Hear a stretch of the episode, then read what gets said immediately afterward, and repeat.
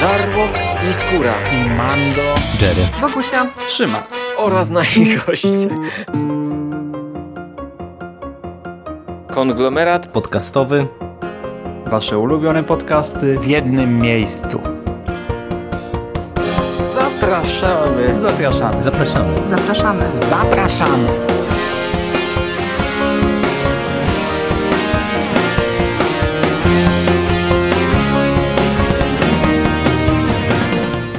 Witamy Was wszystkich bardzo serdecznie w kolejnym odcinku konglomeratu podcastowego. W jednym z pierwszych naszych odcinków w roku 2020. Z tej strony Michał Rakowicz, czyli Jerry, i jest ze mną Hubert Spandowski, Mando. Witam Cię, Mando, bardzo serdecznie. Witam Ciebie również bardzo serdecznie w tym nowym roku.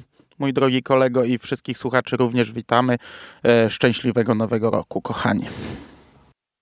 Tak, a jeszcze, żeby Wam umilić to wejście w nowy rok, e, postanowiliśmy w końcu zasiąść do tematu, e, do którego nam się nie udało zasiąść mimo czterech chęci w minionym roku, e, czyli do omówienia Skywalker Odrodzenie, czyli tego wielkiego zakończenia sagi Skywalkerów, zakończenia tej najnowszej trylogii, no i zakończenia tej ponad 40-letniej sagi, którą zapoczątkował George Lucas Nową Nadzieją. No i dzisiaj e, porozmawiamy sobie, myślę, że w dużej mierze spoilerowo, bo tak naprawdę to e, chyba w naszym przypadku recenzja bez spoilerów nie miałaby sensu, tym bardziej, że e, chcemy porozmawiać sobie o szczegółach, o pewnych rozwiązaniach fabularnych, które naszym zdaniem działają albo nie działają i, i to będzie wymagało wejścia w spoilery, więc czujcie się uprzedzeni, no ale też zakładamy, że raczej pewnie ci, którzy film chcieli zobaczyć, to i tak już go pewnie zobaczyli, a jak nie, to zachęcamy i zachęcamy, żeby powrócić do naszej dzisiejszej rozmowy.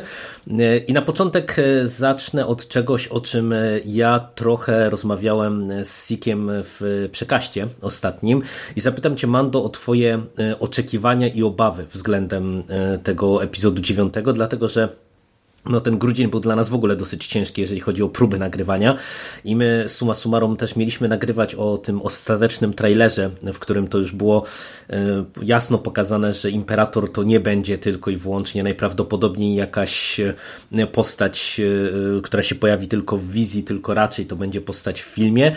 Dyskutowaliśmy sobie z Sikiem wtedy o oczekiwaniach i obawach właśnie względem tego filmu. Jak to u Ciebie wyglądało przed seansem? Czy te ostateczne trailery, ostateczne zapowiedzi wypowiedzi, przecieki, które zaczęły do nas e, dociekać i to mam na myśli już nawet te oficjalne, bo pojawiło się bardzo dużo tych materiałów i scen e, dodatkowych, które nam prezentowały e, różne elementy historii. Jak to na ciebie oddziaływało? Czy to cię nakręcało, czy właśnie, nie wiem, generowało jakieś dodatkowe obawy? Nie, nakręcać nakręcało, ale wiesz co, ja po pierwsze ten wasz przekaz przesłuchałem już po seansie. Po drugie, tradycyjnie, jak przed każdym filmem, bo przed każdym, ty, ty mówiłeś, że, że to jakoś wyjątkowo jest przed tym filmem, że tych spotów jest aż tyle. Y, mi się wydaje, że to nie jest wyjątkowo. Przed każdym filmem codziennie wchodził nowy spot i bywało, że wiesz, że ja, ja, jak jeszcze na etapie tam, nie wiem, Łotra czy Przebudzenia Mocy serwisy faktycznie o tym informowały, takie tam Bastion na przykład codziennie dawał newsa, że jest nowy spot, to wiesz, spot numer 27 na przykład, nie? Który się niczym prawie nie różnił od poprzednich 26. Tak, tak. E i ja za każdym razem na pewnym etapie odcinam się od tego. E, pomimo tego, że mm, one nie mówią nic więcej, to są zwykle te same, wiesz, sceny trochę inaczej przemontowane, tu gdzieś coś dłuższe o sekundę, tutaj gdzieś pół sekundy jakieś dołożone, to, to, to nie jest dużo materiału, to ci nie zepsuje, ale w pewnym momencie odcinam się od tego, jestem już na tyle nakręcony, że przestaję oglądać. I trochę tak było z tym Imperatorem nieszczęsnym, bo przecież my poszliśmy razem do kina, ja przyjechałem do ciebie e, ze dwie godziny wcześniej. I ci powiedziałem, że już się chyba zaczynam godzić z tym, że ten imperator jednak się pojawi w tym filmie i to ty mnie poinformowałeś, że przecież w spotach on jest, nie? Bo ja tych spotów nie widziałem przed e, seansem. Także, mhm. także w zasadzie no, szedłem do kina jeszcze z myślą, że może go nie będzie, nie? Że może to będzie coś innego. E, obaw miałem dużo, Oczekiwań też, ale ja się zgadzam z tym, co wy tam wtedy powiedzieliście, że jednak J.J. Abrams e, to jest jakaś firma i, i, i, raczej byłem spokojny, że, że wiesz, że dostanę film na jakimś poziomie, film rozrywkowy, który tej rozrywki mi dostarczy. Tego się raczej nie obawiałem. Natomiast trochę się bałem tego, że tego, o czym się mówiło od dawna, że to tak się mówiło na boku. Ja się z tym nie do końca zgadzałem, że, że nie ma planu na tę trylogię, że, yy, że Ryan Johnson jakoś się wyłamał. Ja się z tym, wiesz, nie mogłem zgodzić, bo zakładałem, że w takiej firmie ktoś trzyma łapy i, i tam nic się nie da zrobić bez yy, wcześniejszego zaplanowania, bez pozwolenia, bez pewnie dziesięciu pozwoleń. Dlatego to dla mnie takie bez sensu było, ale trochę się obawiałem, że po tej całej krytyce jaka spadła na ostatniego Jedi.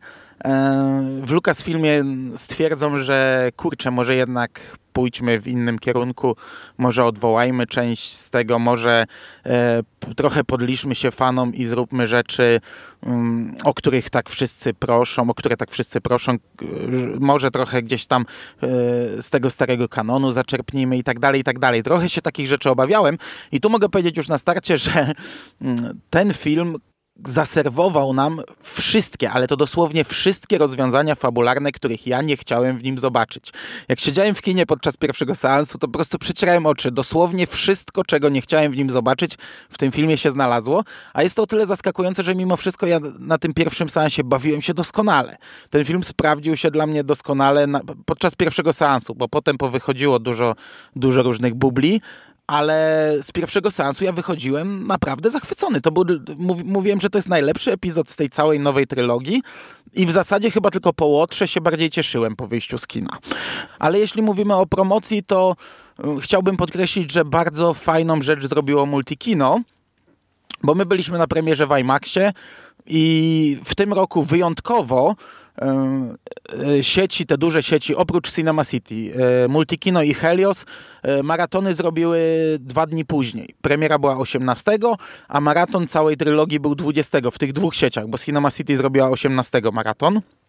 Ja co roku ubolewałem nad tym, bo zawsze sobie chciałem pójść na taki maraton, a on zawsze był robiony w momencie premiery, no a premiera Gwiezdnych Wojen to jednak IMAX. I poszedłem na taki maraton i po pierwsze przed maratonem puścili to był pewnie jakiś dodatek już, pewnie jakiś, wiesz, filmik promocyjny z tego momentu, gdzie ja już się odłączyłem. Zakładam, że to nie było nic robione specjalnie do kin na tę okazję, tylko pewnie coś, co tam w necie e, śmigało. Tak, tak, taki bardzo fajny, nostalgiczny filmik, gdzie widzieliśmy dużo zdjęć e, z planu klasycznych Gwiezdnych Wojen i nowych Gwiezdnych Wojen. Taki fajny, zamykający klamrą, że widzieliśmy wywiady z aktorami z oryginalnych Gwiezdnych Wojen, gdzie oni dopiero gdybają, co z tego może wyjść, nie? jakie mają nadzieje, jakie mają oczekiwania na przyszłość i jednocześnie widzieliśmy wywiady z nimi już teraz, po zamknięciu tego. To był bardzo fajny materiał, a oprócz tego mm, Multikino przed każdym seansem puszcza taki spot, e, gdzie wiesz, masz tą taką e, muzykę przewodnią z tego nowego epizodu, taką opierającą mhm. się na tym motywie, gdzie Luke patrzy na dwa słońca na Tatooine, tylko to tak trochę zmieniona jest ta muzyka, taka nostalgiczna i ona leci i tam masz e, normalnie taki polski spot zrobiony, wiesz, z napisami 42 lata sagi dobiega końca, ale moc będzie z nami na zawsze i wtedy zaczyna lecieć taki kolaż, tak niby w nadświetlą wchodzi, kolaż zdjęć ludzi, którzy przysyłali swoje zdjęcia i, i to się, wiesz, układa tam, nie wiem, po 9 na ekranie, po 2, jest jedno takie wielkie jakiegoś dziecka w czapeczce jody z mieczem zrobionym na szydełku i te zdjęcia sobie przelatują, przelatują i na koniec, wiesz, napis, dziękujemy, że podzieliliście się z nami e, swoimi wspomnieniami, życzymy miłego seansu, multikino, nie? To jest, kurczę, bardzo fajna rzecz, coś takiego i, i to się wszystko zamienia, te wszystkie zdjęcia się pomniejszają, robią się takie malutkie i zamieniają w ten plakat e, dziewiątego epizodu. E, fajną rzecz zrobili, to tylko chciałem podkreślić. A super, to ja nawet o tym nie słyszałem, że taka promocja e, miała miejsce. Fajna sprawa, fajna. No ale to e, wspomniałeś już o tym, że w tym filmie e, pojawiło się sporo wątków, co do których e, e, miałeś obawy, e, że wystąpią, to ja chciałbym może zacząć wyjątkowo właśnie od fabuły, no bo tu o twórcach nie ma co, co dyskutować tak no nie, naprawdę, nie. no to jest stała, stała ekipa, też aktorsko, no póki co się tam nie będziemy rozwodzić, bo to ewentualnie już przy postaciach poszczególnych coś tam sobie dopowiemy, a chciałbym zacząć właśnie od fabuły, ponieważ po e, tym, jak Skywalker Odrodzenie e, pojawił się w kinach, e, to ja zauważyłem po pierwsze taką bardzo dużą no, nostalgię za ostatnim Jedi, który nagle okazał się chyba być docenionym przez wielu. To po pierwsze. Po drugie, stwierdzono, że mamy tutaj bardzo dużo odwołań do takiego starego kanonu, ale ja mam na myśli tutaj nawet nie tyle same legendy z naszego obecnego punktu widzenia, tylko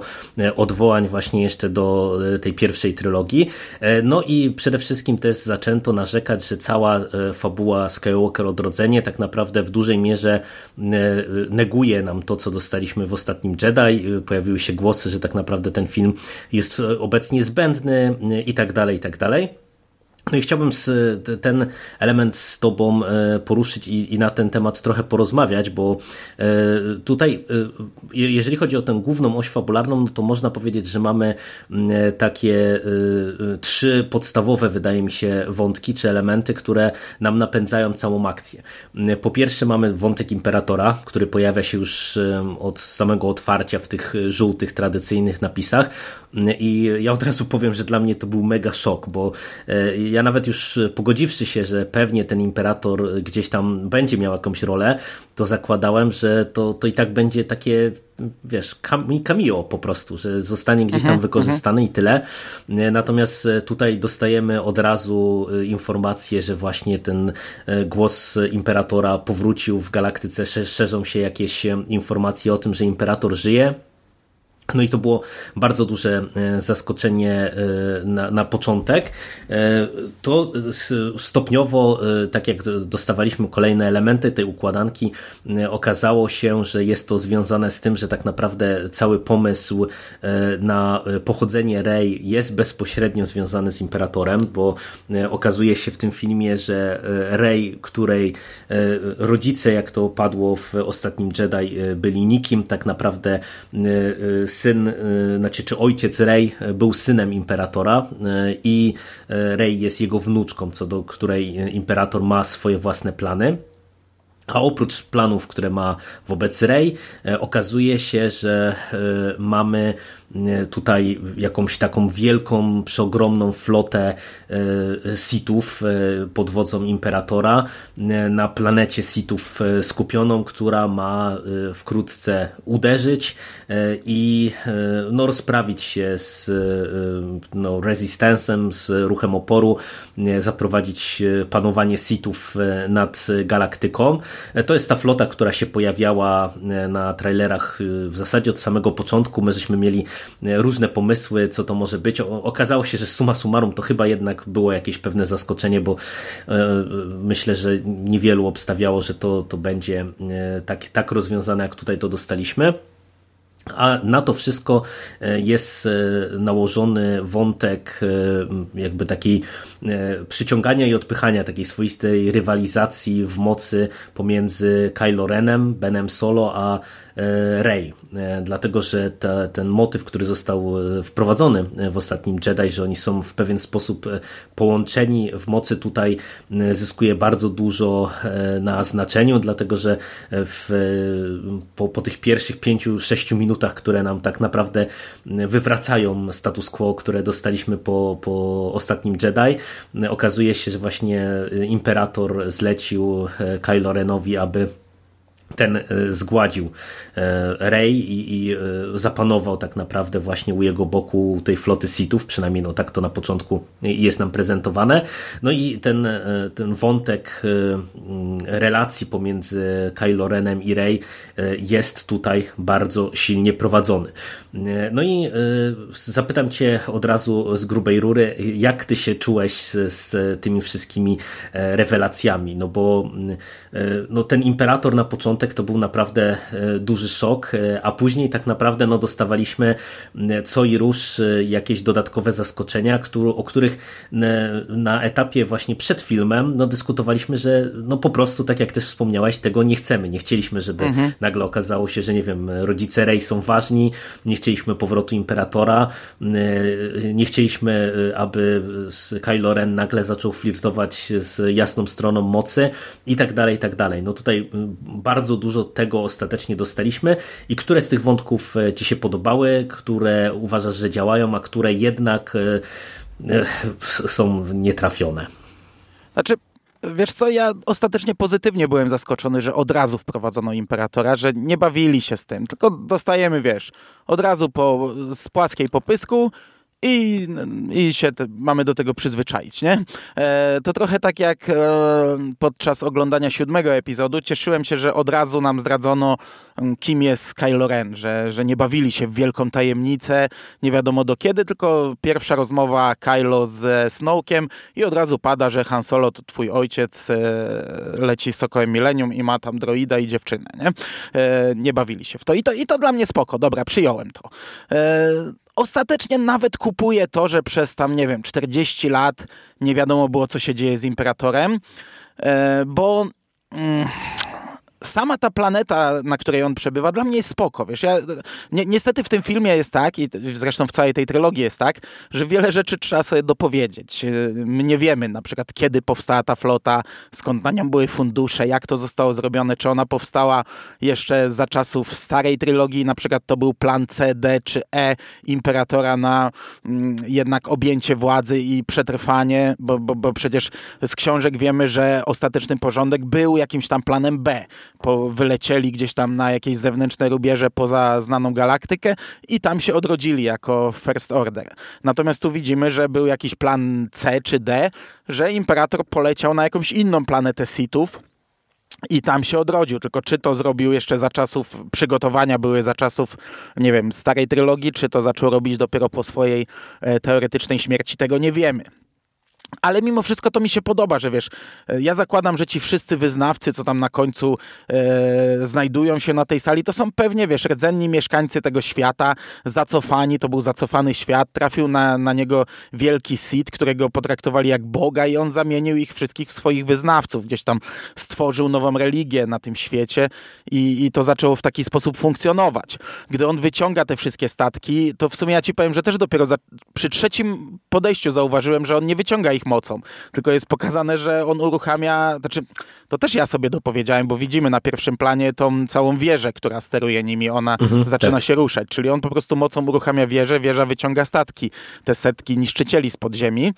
E, no jest to coś głupiego, no umówmy się, nie? to jest głupiutkie, no, ale no, no, no, wziąłem na klatę na początku i dobra, spoko. E, jeśli chodzi o pochodzenie Rey, to jest dla mnie do końca mocno dyskusyjne.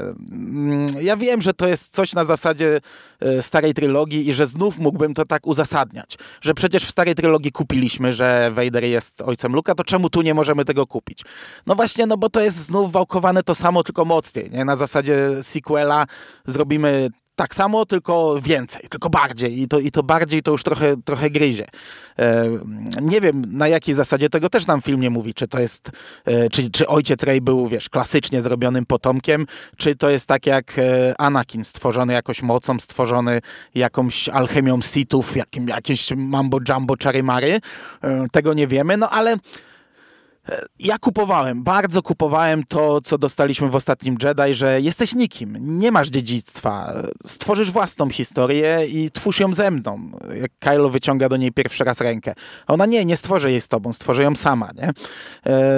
nie, nie, nie uważam, żeby to było zaprzeczenie, żeby to było odrzucenie tego, co stworzył Ryan Johnson, bo Ryan Johnson nam, wiesz, nie powiedział tego tak na 100% otwarcie. Jeden z bohaterów nam powiedział, my wyciągnęliśmy swoje wnioski, ale już przy recenzji ostatniego Jedi mówiliśmy, że na 100% to, to wcale nie, mm, e, nie ukróci mm, teorii. Na 100% przez mhm, następne dwa lata będą ludzie dalej wierzyć, że Kylo ją po prostu okłamał. I wiesz, z tego punktu widzenia ja to kupuję, bo to tak samo można powiedzieć, że wiesz, w czwartym epizodzie Ben Kenobi powiedział do Luka, e, twoje, twój ojciec był rycerzem Jedi, zabił go Darth Vader a potem nagle w piątym epizodzie dowiadujemy się, nie, to, to twoim ojcem, ojcem był Darth Vader. I też można by powiedzieć, że Irwin Kershter wypiął się na to, co zrobił George Lucas, nie? No ale nie, no, no, no, no nie wypiął się. Tak, taki, taki był zamysł. Tutaj nie sądzę, żeby to był zamysł od początku, ale mimo wszystko to kupuję, tylko to mi się średnio podoba. Jestem w stanie to bronić, bo wiesz, mieliśmy siódmy epizod, gdzie Rey próbowała odkryć swoje dziedzictwo, marzyła o tym, że jej rodzicami, jej przodkami jest ktoś wielki, ktoś dobry. W ósmym epizodzie została sprowadzona na ziemię. Nie, nikogo takiego nie było, jesteś nikim. A w dziewiątym epizodzie została jeszcze skopana bardziej. Nie tylko nie było kogoś takiego, nie tylko twoi przodkowie nie byli kimś dobrym, ale twoje dziedzictwo jest zupełnie inne. Twoje dziedzictwo to jest zło. I teraz radź sobie z tym. I ona sobie z tym radzi i wychodzi z tego. Ja kupuję taką drogę bohatera, ale, ale wiesz, no jak padło to z ekranu, e, że imperator był twoim dziadkiem, nazywasz się Ray Palpatine, no to, no to facepalm, nie? No to w tym momencie, o Jezus Maria, chociaż fakt, że już wcześniej to było do przewidzenia, bo tutaj dość wyraźnie sugerowali e, przez cały film do tego momentu, że tak to się zakończy, także już się z tym trochę pogodziłem, ale i tak jak to padło z ekranu, to, to wow, nie? Przegięli, przesadzili. Natomiast o czym ty tam jeszcze mówiłeś? Chcesz, chcesz tu wejść w słowo? O Kylo, nie? O jego przemianie. Znaczy to, co mówisz, ja podzielam tak naprawdę e, e, te twoje opinie, przy czym ja mam z, akurat z tymi dwoma konkretnymi elementami chyba więcej problemów. E, spoko jest to, tak jak mówisz, że Imperatora dostajemy na klatę, bo w ogóle to otwarcie, to muszę ci się przyznać, że ono było dla mnie przy pierwszym seansie wręcz szokujące bo po prostu no, tam pierwsze 5-7 minut to jest taka galopada przez mm, nowe pomysły, nowe elementy, nowe wątki, e, że po prostu ja e, nie byłem w stanie spokojnie sobie tego w głowie poukładać. Dopiero gdzieś tam przy drugim seansie mm, e, czułem, jak, jak to wszystko mm, no, jest już budowane przez scenarzystów, jak, jak ta historia ma się dalej toczyć. Przy czym to otwarcie jest mocne, jest szokujące, ale dla mnie ono było w miarę okej. Okay. Przy czym tak, to co wspominasz, że y, można kupić to, że nie wiemy co się działo z Imperatorem przez 40 lat, z jednej strony niby ok, natomiast ja y, pod kątem już y, tej planety, tej Exegol i, całej tej floty Sithów, to już nie jestem aż tak łaskawy jak, jak ty, dlatego że, że, ja to że to jest po prostu dla mnie to jest e, bezkresnie głupie i problematyczne z dwóch powodów. Po pierwsze, nie po raz pierwszy wydaje mi się e, w tym filmie, co mnie osobiście z perspektywy tego, o czym mówiłem w ostatnich dwóch naszych gwiezdnowojennych podcastach, że lubię, że tutaj ten nowy kanon jest budowany jako takie coś, coś przenika wszystkie różne media, że twórcy czerpią różne elementy pomiędzy nie wiem, książkami, komiksami, grami, nam to wszystko tworzy jedno uniwersum. To mam wrażenie, że tutaj to, co dostajemy na początku, to jest niestety duże nadwyrężenie tego, nie pierwsze w tym filmie właśnie, dlatego, że e, to, o czym wspominasz, w książkach mamy przecież ten plan B e, i to, że oni się mają odrodzić jako ten First Order, ale kiedy tam dostajemy przemowę Imperatora, że teraz to już ma nastać nie First Order, tylko e, super, uber, najlepszy, najwyższy i w ogóle najpiękniejszy Final porządek. Order. E, tak, to już po prostu ja naprawdę strzeliłem w tym momencie takiego facepalma, że, że nie wiedziałem co ze sobą zrobić. E, tym bardziej, że e, przecież nawet to, co było budowane w trylogii Koniec i Początek, którą my w sumie, no przecież pamiętasz, krytykowaliśmy, to mhm. mi się wydawało to, to całkiem ciekawym pomysłem summa summarum, akurat takie rozwiązanie, jakie tam dostaliśmy, czyli że plan Imperatora był taki, że jeżeli nie ja, to nikt. E, tak naprawdę. I, I trochę z jednej strony mieliśmy właśnie ten plan awaryjny w, w postaci tej ucieczki na, na te zewnętrzne rubieże, z drugiej strony właśnie to zniszczenie imperium. Tylko no później, kiedy dostajemy właśnie w tym filmie nagle e, powrót imperatora i nagle się okazuje, że on za tym wszystkim stał przez te 40 lat, e, robił jakieś tam swoje machlojki i do tego jeszcze zdążył zbudować tak absurdalnie wielką flotę, bo, bo moim zdaniem to jest na przykład też to, że ta flota jest po prostu przegięta E, wystarczyłoby nie, nie walnąć po prostu tysięcy gwiezdnych niszczycieli, tylko pokazać jakąś tam flotę no tak, i już by się że wiesz, skoro odbierało. każdy z nich ma teoretycznie mikrogwiazdę śmierci no, no, dokładnie, na penisie, dokładnie. To, mm, no to tak naprawdę wystarczyłoby pięć, albo jeden, albo dziesięć, nie? No, to bez problemu by wystarczyło. I też by robiło wrażenie, jakby wyciągnął dziesięć wielkich niszczycieli, to nadal by robiło wrażenie, a to nie robi, bo to jest tak jak mówiłeś kiedyś tam przy Celebration, nie? Jakby się komuś Ctrl-C zacięło i za dużo wkleił no, literek A pod rząd. Do, dokładnie tak i niestety ja mam z tym bardzo duży problem, bo, bo to mi wy, wysadza mimo wszystko ten świat. No zobacz jak jest budowana, e, budowany cały ten nowy kanon. Tutaj cały czas e, mamy w książkach czy w komiksach e, wątki, które się skupiałem na tym, że na przykład, nie wiem, Imperium drenuje kolejne światy, żeby mieć surowce do zrobienia jednej gwiazdy śmierci. Drenuje planety, żeby zbudować jakąś tam flotę. A tutaj nagle mamy wyciągniętą po prostu jakąś flotę rzędy tysięcy gwiezdnych niszczycielnej z podpiętymi gwiazdami śmierci i ona się bierze znikąd tak naprawdę. E, I to jest dla mnie bardzo duży problem, dużo większy nawet właśnie niż to, że Imperator przeżył i że ma tam jakichś tych swoich wyznawców, no bo tak jak mówisz, no to, to znowu jest taki flirt z, ze starym kanonem mam wrażenie, bo chociażby, nie wiem, patrząc na trylogię Trauna, gdzie tam mieliśmy tego e, Jirusa Sibaota, który też na, na planecie e, zrobił ten swój lud, czy ten lud e, planety swoimi poddanymi, no to okej, okay, takie rzeczy były. Znaczy tak też było, chyba taka była chyba historia Sithów w ogóle w starym kanonie. Ja aż tak nie znam historii Sithów, ale było coś, że zostali nagięci rdzenni mieszkańcy jakiegoś, jakiejś planety, bo Sithowie to było zarówno e, ta, ta religia, ten, ci, ci wiesz, ci rycerze, jak i Sithowie to była jakaś rasa właśnie mieszkańców mhm. jakiejś planety. Okay.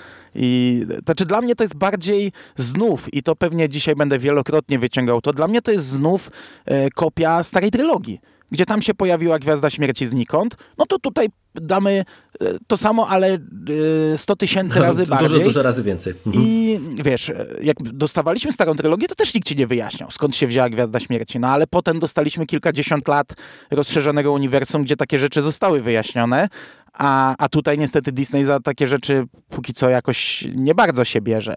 E, no i dla mnie te, te nowe filmy to jest właśnie, już to dzisiaj drugi raz mówię, jeszcze kilka razy powiem, zrobimy to samo co w starej trylogii, tylko mocniej.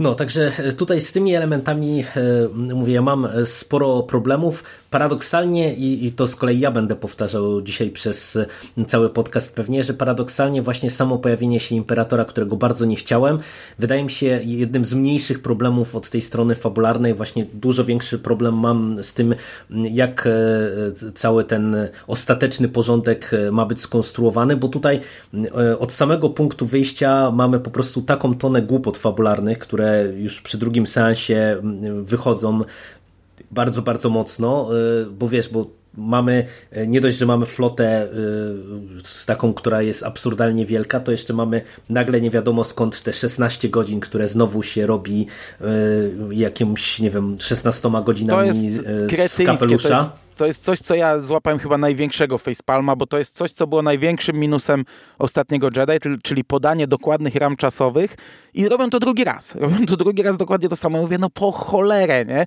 Inna sprawa, że ja jestem w stanie to tłumaczyć, że nie wiadomo, czy godziny w odległej galaktyce to takie same godziny jak nasze i tak dalej, i tak dalej. Chociaż minuty są takie same, bo w epizodzie czwartym na Jawinie mieliśmy odliczanie minut i sekund, e, ale no, to znaczy ja jeszcze wrócę do tych godzin, bo wiem po co one są. Jak będziemy omawiać końcową bitwę, to wrócę i wtedy e, powiem, że to było potrzebne, ale na chwilę obecną to było bzdurne. Wolałbym, żeby wprowadzili jakąś totalnie nieznaną jednostkę czasu, powiedzieli, że nie wiem, 70 parseków do ostatecznego ataku. I my nie wiemy ile to jest, my nie wiemy czy to jest dni, czy to są godziny, czy to są e, jeszcze jakaś inna jednostka, nie? A a, po prostu wiemy, że muszą się spieszyć, bo niedługo to będzie. A to widzimy na ekranie, że oni się spieszą, ale jeszcze zanim do tego, bo, bo to, to, tutaj to mamy naprawdę falę głupot w tym, co robi Resistance, to ja jeszcze powiem, że e, ja rozumiem, po co jest Imperator, bo większość e, opinii w internecie jest takich, że właśnie e, Abrams chciał się wypiąć na, na Johnsona, że Johnson wymyślił sobie, że Kylo zabije Snowka i teraz Kylo będzie tym złym, tym przeciwnikiem.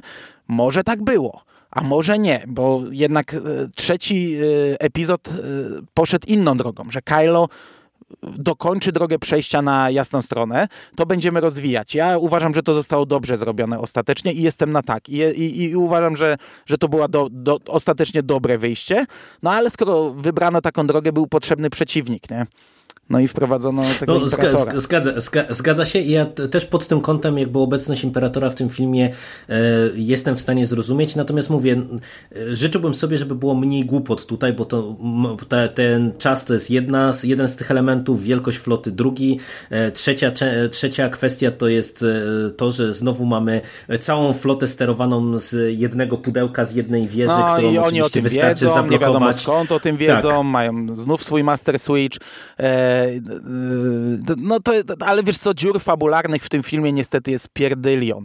Począwszy od w ogóle tego, że e, Resistance to nagle ktoś tam wprowadza, Lando wprowadza w ekspozycji tutaj, że był sobie taki Ochi, łowca nagród, ja nie, nie, pamiętam, czy on dokładnie Ochi się nazywał, niestety Egmont postanowił Ochi. nie wydawać nam przewodnika ilustrowanego, więc jeśli chodzi o nazwy własne, będę tutaj e, się mylił, bo to z pamięci mówię. I to jest tak totalnie zrobione, że ja ci powiem, widziałem trzy razy ten film i nie rozumiem, drogi tego Ociego. Nie rozumiem tego. To jest wprowadzone po to, żeby Resistance teraz mógł iść jego śladami i podnosić z ziemi to, co on zgubił, e, żeby było łatwiej.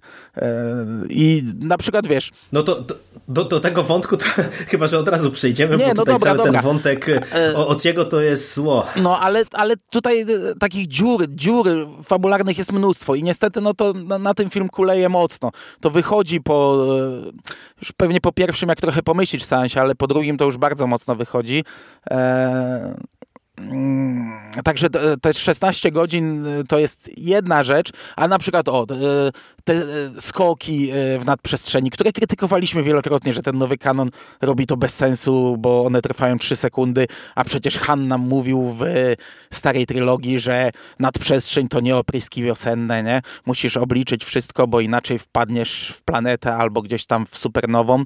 Mm, a tutaj, tutaj e, ten epizod wywraca w ogóle nawet to, co robiły wcześniejsze epizody ze skokami. Tutaj skoki to trwają mhm, ułamek sekundy, a, a to, co robi na początku Po jest jest dla mnie karygodnym błędem, niewybaczalne, bo to e, tak jak ja jestem ostatnią osobą, która będzie się e, kłócić z fizyką w Gwiezdnych Wojnach. Nienawidzę, jak ktoś wyciąga fizykę i, i zaczyna nasze reguły e, do, dokładać do gwiezdnych, gwiezdnowojennych reguł, ale tutaj to burzy gwiezdnowojenne reguły, jak on robi skoki w nadprzestrzeni i w trzy sekundy, czy tam w sekundę z jednej planety na drugą przeskakuje i w ogóle wyskakuje sobie między budynkami, a te myśliwce taj cały czas są do niego przyklejone, nie wiem w jaki sposób, gdzie poprzedni epizod nam wprowadzał jako w ogóle nowum, e, coś, że można kogoś śledzić w nadprzestrzeni, ale to trwa. To jest, że jest się na smyczy, nie? W momencie, jak wyjdziesz z nadprzestrzeni, to my jesteśmy w stanie cię namierzyć i, i skoczyć do ciebie. A tutaj te myśliwce są przyklejone, w ogóle on sobie skacze, to jest zrobione tak bez sensu i niepotrzebnie. Przecież tego sokoła mogli zniszczyć zupełnie inaczej, nie?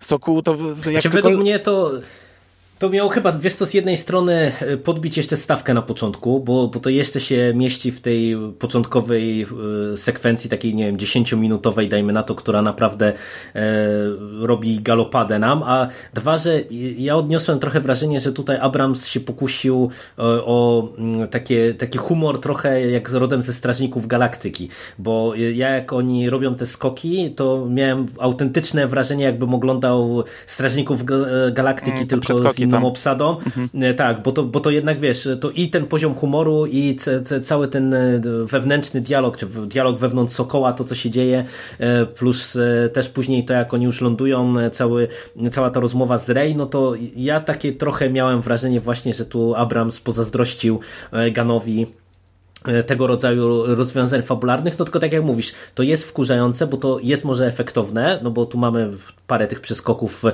znowu pomiędzy różnymi planetami, tylko że to, tak jak też mówisz, no to nie ma totalnie sensu i niestety pod kątem tym fabularnym, no to to jest, e, to jest spory minus tak naprawdę.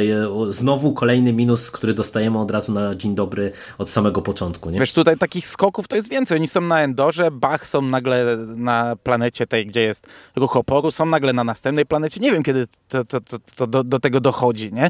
E, gdy lecą z tej pierwszej planety, ona się chyba Pasena nazywała, czy Pasadena, nie wiem. Pasana. Pasana. Pasana. Mhm. Lecą e, na, do mm, Kidż, Kinja, Kin, no Jezus Maria, Egmont, do, do tej planety, gdzie, e, która jest pod okupacją Imperium, tej zimowej planety. E, to tak, oni lecą statkiem Ociego mhm. i ten statek w ogóle nie wchodzi w e, nadprzestrzeń. Jest pokazane, jak on długo leci, leci, leci, znika, a potem jak leci, leci na tę planetę. Oczywiście, no może lecieli w nadprzestrzeni, ale to nie zostało pokazane, a zakładam, że ten statek jest tak stary, że pewnie, pewnie nawet nie miał paliwa, żeby lecieć w nadprzestrzeni i, i nam się mówi, że no ja, ja, ja, tak wywnioskowałem z filmu, że oni normalnie se przelecieli z jednej planety do drugiej, wiesz, w 5 minut, nie? E, Kylo potem wchodzi na Endorze w starego Taja, bo jego Taj został skradziony. Stare Taje nie miały nadprzez e, tego hipernapędu. On dolatuje do egzagonu sobie po prostu tak, hopsiu, bez żadnej, bez żadnego way, wayfindera e, bez niczego, po prostu sobie leci, nie? Be, be, bez żadnych tropów. Takich dziur tu jest pierdylion, nie? E, Ray wsiada w starego X-Winga, który był zatopiony 40 lat pod wodą. Nie ma astromecha, zawsze się nam mówiło, że jest potrzebny w ogóle, żeby wytyczyć drogę. Ona sobie leci, nie? Zresztą bez skrzydła, bo skrzydło tego, jeden z płatów tego X-Winga stanowił drzwi do chatki Luka w poprzednim epizodzie. I ona sobie tam leci i po prostu sobie dolatuje. I, i, i, mhm. i, i to, albo, albo w ogóle ten, te całe e, ja nie pamiętam, jak to po polsku było przetłumaczone, to w ogóle było bez sensu przetłumaczone. E, wayfindery, te, czyli te mm, ostrosłupy, e, czworościany tak, tak, tak. sitańskie. Mm, Kylo miał, go w o, no, Kylo miał go w swoim myśliwcu. Rey niszczy ten myśliwiec. Wysadza go, a potem nagle Kylo ma drugi myśliwiec, który jest taki sam i okazuje się, że w nim jest ten e, Wayfinder, gdzie nie wiem kiedy i po co miałby przełożyć do zapasowego myśliwca, czyli kolejna dziura fabularna. I takich dziur możesz tutaj naprawdę mnożyć, mnożyć. Ale to e, wiesz to, to jak e, jesteśmy przy dziurach fabularnych i różnych głupotach, to w sumie e, myślę, że możemy z, trochę przysiąść do tego ociego i całego tego łącznika fabularnego pomiędzy tym, tym rodzice, czy tym wątkiem rodziców Rey, poszukiwaniami z tego telerium czy telurium przez Resistance i, i tym wszystkim innym, bo ja ci powiem, że w tych wszystkich różnych głupich rozwiązaniach fabularnych, to dla mnie cały ten wątek jest w ogóle fatalnie napisany. To jest w ogóle taki bo... wytrych fabularny. Wiesz, nie wiemy co robić i nagle Lando mówi, a był sobie taki łowca nagród, który ścigał twoich rodziców, i jednocześnie stwierdził, że znajdzie drogę na tajemniczą planetę Sithów i wtedy Luke go zaczął szukać i Luke tropił, ale nie znalazł nie, no, oni tej drogi. nie, o, oni, oni niby tam mówili, że to imperator go wynajął, e, no, żeby do zabicia tych, tych no, rodziców no, no, no, Rey, tak. I, ale i, że, on i że szukał... on dlatego był na tym egzegolu, nie? On szukał, no właśnie, ale to jest znów coś, co, y, coś, co nie ma rąk i nóg, bo na początku dowiadujemy się, że on szukał sztyletu sitów, który doprowadzi cię do e, miejsca, w którym odkryjesz, gdzie znajduje się telerium e, i on zginął podczas szukania tego sztyletu. Luke go nie znalazł, chociaż statek stoi na wierzchu od 30 lat, a czy tam no, no trochę mniej, dobra, przesadzam, ale od nastu a pod statkiem leży trup e, w podziemiach e, z nożem. I okej, okay, oni wpadli tam przez ruchome piaski, ale wyszli jakąś normalną dziurą chyba, bo po prostu nagle znaleźli się na zewnątrz. E, nie pokazuje nam tego film, w jaki sposób wyszli. Luke tam był, Luke tego nie znalazł. Okazuje się, że Ochi zginął po znalezieniu sztyletu. Po co mu był ten sztylet, skoro potem okazuje się, że D.O., czyli jego droid, ma w ogóle wszystkie plany i wszystkie mapy oprócz drogi, a tak to wszystko wie, co jest na egzagolu. Oni mają hologram, kurde, tej wieżyczki, nie? To, to, to w ogóle to, to, no, tak, no, to tak naprawdę we wszystkich trzech epizodach jest kretyńskie.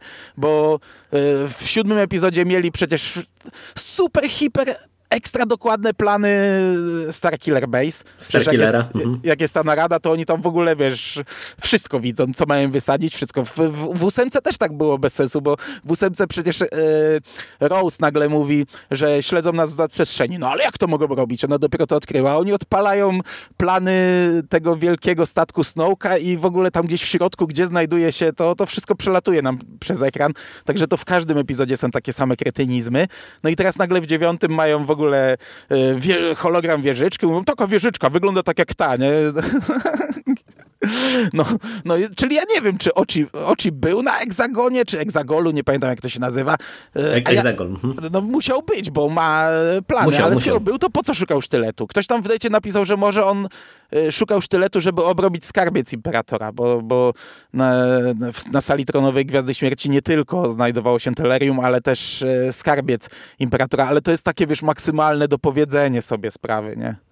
Znaczy, wiesz to, dla mnie cały ten wątek jest bezdennie głupi i irytujący e, z kilku względów. E, Po pierwsze, cały ten motyw tego sztyletu to jest dla mnie po prostu taki e, maksymalny kretynizm w, Ale wiesz co, to kontekście ja ci tego, jeszcze, co tutaj jeszcze na sekundę dostajemy. przerwę, bo to jest...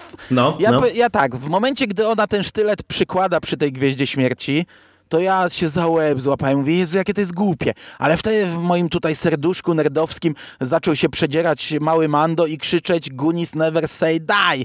I mówię, kurde, no... I, I tak sobie myślę, w sumie cały ten motyw jest zrżnięty z Gunis. E, I, i, I dzisiaj jeszcze kilka takich przykładów podam, bo w tym filmie jest kilka motywów zrobionych totalnie jak w innych filmach. I, i tutaj wszystko, wiesz, e, ta ich podróż w podziemiach, znalezienie szkieletu, tak jak tam znaleźli jednookiego Williego i tego wcześniejszego archeologa, który szukał Williego, znalezienie sztyletu, potem e, wykorzystanie tego sztyletu, to jest wszystko jak w Gunis. I okej, to jest kretyńskie, ale z drugiej strony e, odczytuje współrzędne i on nie odczytuje, ja tak zakładam, że nie odczytuje współrzędnych e, komnaty, e, miejsca, gdzie znajduje się telerium, tylko odczytuje współrzędne, w którym masz stanąć. I ty w tym miejscu stajesz i wtedy Tripio mówi tylko sztylec naprawdę. Tylko sztylec naprawdę. No i ten sztylet macie doprowadzić. to, y, Ale ja nie- wiem, że to jest głupie, bo od 40 lat leżą szczątki Gwiazdy Śmierci i wielkie fale w nie napiżdżają i, i za, założenie, że nic tam się nie przewróci, no to jest, ja wiem, że to jest absurdalnie głupie, ale to jest, to, to dla mnie to jest coś, co jeszcze się wpisuje w kino nowej przygody na tyle, że jestem w stanie to jakoś tam łyknąć. Znaczy, to jest totalnie w duchu kina nowej przygody cała ta e, linia fabularna, no bo to jest, wiesz, taka pogoń za McGuffinem, że, gdzie oni e, coś ścigają, e, coś im przeszkadza e, i tak e, jadą sobie przez jedną, drugą, trzecią planetę, żeby było efektownie, żeby było interesująco, żeby e, nasi bohaterowie mieli zajęcie. Tylko, że mnie osobiście to wkurza, bo ty mówisz, że to jest jak w Gunis, tylko, że w Gunis to miało dużo więcej sensu, bo ja wyjątkowo akurat byłem dwa razy w kinie na Gwiezdnych Wojnach, bo w sumie mi się to nie zdarza. A, a tak na marginesie to ile razy byłeś w kinie? Pochwal się słuchaczom, Nie, bo zawsze o to razy, się trzy razy na cię, razie cię, tylko. cię pytałem. Na razie trzy, No, ale tyl- pójdę tylko. jeszcze. Planuję ze dwa razy jeszcze pójść. Może więcej, bo teraz przez długi czas nie dostaniemy e, Gwiezdnych Wojen w kinie, a obliczyłem sobie, że przez ostatnie 4 lata byłem 29 razy na Gwiezdnych Wojnach w kinie, co daje średnią e, mniej więcej co półtora miesiąca Gwiezdne Wojny w kinie, więc jeszcze sobie trochę chyba dobiję do tej średniej.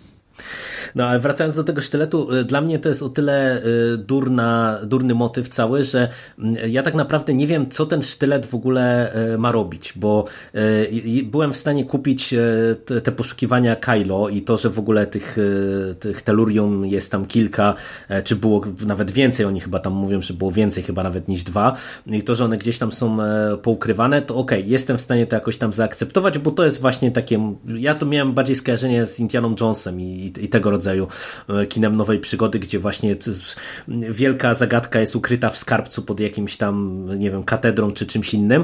E, i e, to, to było dla mnie w porządku, natomiast cały ten motyw tego sztyletu jest o tyle durny, że nie dość, że właśnie mamy tę ins- inskrypcję, którą e, C-3PO musi przetłumaczyć, to ja tak naprawdę nie wiem, co ten sztylet e, ma pokazywać, bo e, ja byłem dwa razy w kinie i dwa razy nic nie zrozumiałem z tej sceny, bo oni No on stają... wskazuje wieżę Imperatora przewróconą. Ale jak, ale jak? No ona, ona wiesz, wyjmuje taki ten wysuwany fragment z tego sztyletu i, i na jakiej zasadzie to ma jej No ten cokolwiek czubeczek pokazać? pokazuje. No ona dopasowuje wcięcia na sztylecie do wraku Gwiazdy Śmierci, co jest absurdalne, bo zakładam, że ten nie, sztylet no to został nie, no, zrobiony nie, nie, nie, w przedziale od 1 do 40 lat temu, a nawet nie, od 18 do od 20 do 40 lat temu, bo skoro miał go Oci, który e, szukał jej rodziców, no to ona była dzieckiem, czyli ma na pewno ponad 20 lat, mniej niż 40, no bo e, mniej niż 35 chyba, nie pamiętam ile lat minęło od powrotu Jedi,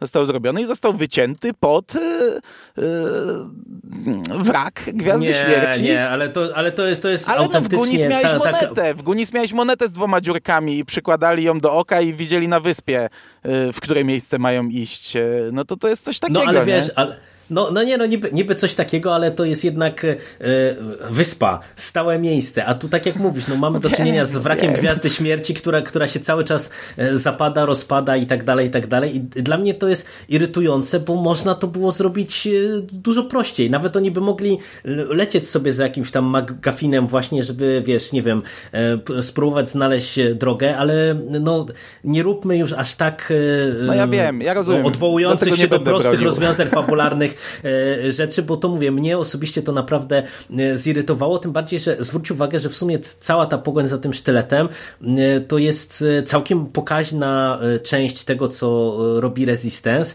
E, i, i to też jest dla mnie problematyczne, że cała ekipa jest w to zaangażowana znowu, tu ta nasza główna, nie? I oczywiście to jest w duchu znowu, będziemy się odwoływać do tego też wielokrotnie, w duchu starej trylogii, gdzie też e, Han, Leia i Luke byli zaangażowani praktycznie rzecz biorąc we wszystko, ale tutaj e, trochę mi e, to też przeszkadzało, że oni się jakoś nie podzielili, że wiemy, że e, mają zdobyć na przykład flotę, czy mają z powrotem jakby, nie wiem, spróbować zebrać jakieś statki, żeby móc w ogóle walczyć z tym ostatecznym porządkiem, a oni nie, oni wszyscy, cała tak naprawdę no, naj, najbardziej podstawowa ekipa trzon e, rezystansu e, rzuca się w pogoń za, za sztylecikiem. No, rzuca się w Co- pogoń, no bo wie od e, wtyki w najwyższym porządku, że e, za 16 godzin nastąpi final order i muszą zaatakować przed upływem tego czasu, bo gdy upłynie ten czas, statki wylecą i już będą nie do pokonania, a póki stoją, e, póki są trzymane w atmosferze planety, nie mają tarcz, co też wszystko nam zostaje powiedziane, więc wtedy mogą je zaatakować i zniszczyć. Wszystko fajnie, tylko dlaczego e, w tym układzie nikt nie próbował zebrać e, tej wielkiej floty, e, tylko w momencie, kiedy nagle już wszystko jest praktycznie biorąc jasne, to ktoś wpada na pomysł, nie no, ale to teraz jeszcze potrzebujemy statków. Lando, weź Sokoła i spróbuj zebrać starych kolegów. E, To, to jest też kolejny motyw taki, wiesz, pisany na kolanie, bo to nie jest e, samo w sobie złe, złe rozwiązanie, nie? Ja to trochę będę bronił, ale nie wiem, czy to już w tym momencie. E, znaczy sam ten, kurde, no, mm, no zgadzam się, mogli już wcześniej e, kombinować, mm, ale dobra, no dobra, no to przejdę do tego. Ja uważam, że to mimo wszystko ma sens, bo e, ostatni Jedi pokazał, że na wezwanie Lei niekoniecznie ktoś przyleci. Leia, jak wiemy, została kilka lat temu bardzo mocno szkalowana. Szka e, jej opinia jest dosyć niska w galaktyce. Wiemy to z książki Więzy Krwi. I ostatni Jedi pokazał, że jej wezwanie wcale nie ruszy e, galaktyki.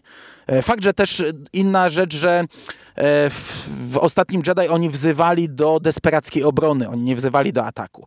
Wzywali, wiesz, na zasadzie jest nas dziesięciu, jesteśmy pod wielkim, ciężkim butem e, First Order, przyjedźcie nam, pomóżcie, a co dalej to nie wiemy. Więc wcale się nie dziwię, że na Krayt nikt nie przyleciał.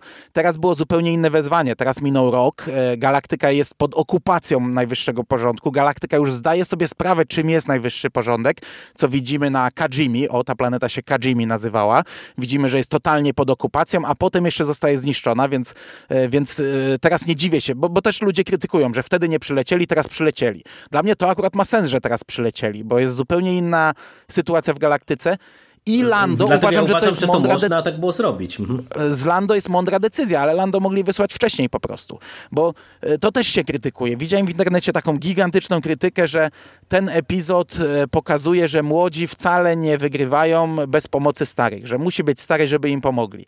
Ja się z tym nie zgadzam. To, że mm, e, Lando został wysłany po pomoc, to jest decyzja dowódcy. Dowódcy, czyli Podamerona.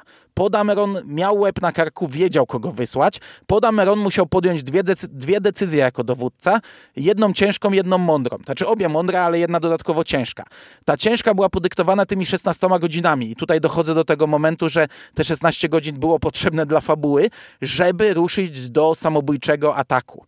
Ponieważ za chwilę wylecą te statki, oni nie mają już czasu, muszą ruszyć do tego samobójczego ataku i ruszają. I wiadomo, że oni nie będą w stanie pokonać. Przez cały film nam się to mówi. Myśl przewodnia tego filmu to jest dobrzy ludzie ruszą do ataku, jeśli ktoś ich poprowadzi. E, mówi to jemu Zari, czy Zori, że e, przegrasz wtedy, gdy uwierzysz, że jesteś sam. Tak, Mówi tak. mu to Lando, mhm. gdy on go pyta, jak pokonaliście Imperium w kilka osób? Mieliśmy siebie, byliśmy razem, wiedzieliśmy, e, że, że da się to zrobić. No i tutaj na końcu właśnie Po podejmuje te dwie decyzje. Ruszamy z misją samobójczą. Zginiemy, nie wygramy tego, jeśli nie przylecą inni, a jego mądrą decyzją jest wysłanie Lando. Ja czytałem w internecie taką opinię, że to jest bez sensu, że Lando to jest jakiś stary dziad i jego jedyną zasługą jest to, że zagrał w starej trylogii. Absolutnie się z tym nie zgadzam. Lando to jest generał Sojuszu Rebeliantów, który zniszczył drugą Gwiazdę Śmierci, który doprowadził do, e, przywrócił pokój, przywrócił ład w galaktyce na kolejne lata, dekady. To jest bohater, historyczny bohater, więc taki człowiek jak leci i prosi o pomoc, to jest inna reakcja E, niż gdy robi to Leia. Wiem, że dla widzów filmowych Leia jest bohaterką, ale rozszerzone uniwersum inaczej poprowadziło jej drogę. I zauważ, że Lando E, ma w wieżyczce sokoła Wedge'a, Antilesa, który pojawia się na dwie sekundy na marginesie w tym filmie, mhm, co też jest tak. absurdalne, bo, bo, to były zapowiedzi, że on w ogóle będzie grał w tym filmie. E, a Wedge jest bohat kolejnym bohaterem Sojuszu Rebeliantów. Wedge to jest jedyny pilot, który brał udział w ataku na obie Gwiazdy Śmierci.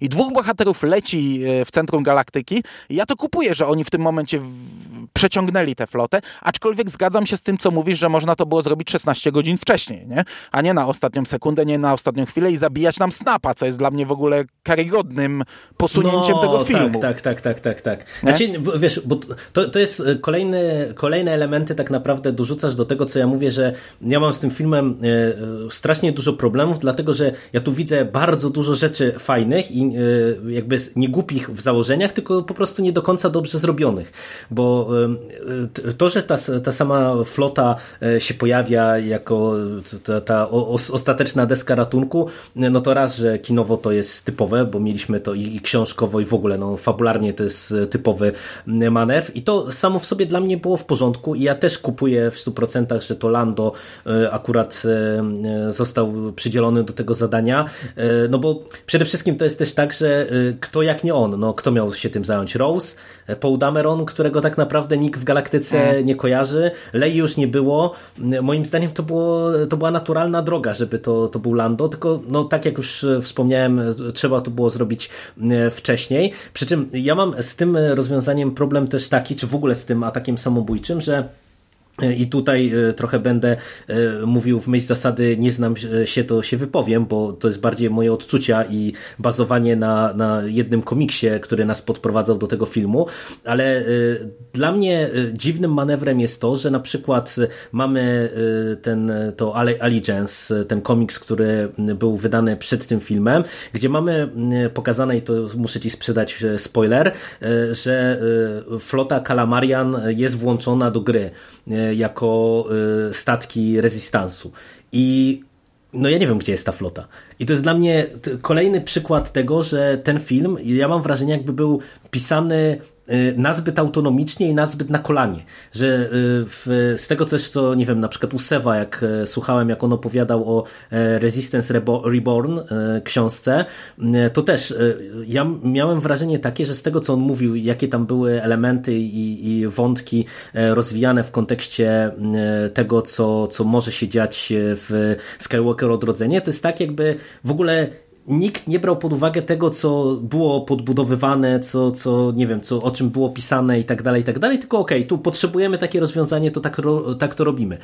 Bo to z tego punktu widzenia to jest dla mnie takie trochę irytujące, no bo wiesz, ten e, atak samobójczy, on ma sens, bo to jest jedyne, co ma sens tak naprawdę, ta, ta sprowadzenie floty też pewnie no, jest jedyną opcją, e, no ale znów niestety te ramy czosowe e, tutaj nam się odbijają czkawką i mówię, i ja odczuwam tu pewne braki, nie? bo tutaj wychodzą takie różne niekonsekwencje, no bo mówię, jeżeli mamy pokazaną w, w podprowadzeniu, że mamy całą flotę kalamarian, no to oczywiście też można to bronić jeszcze, czy uzasadnić, że nie wiem, że zostali w międzyczasie gdzieś tam zniszczeni, czy przydzieleni do innych zadań, coś na zasadzie eskadra czarnych nieobecna e, w E, ostatnim Jedi, ale to znowu no mamy no tutaj coś, też co... wielu nie ma.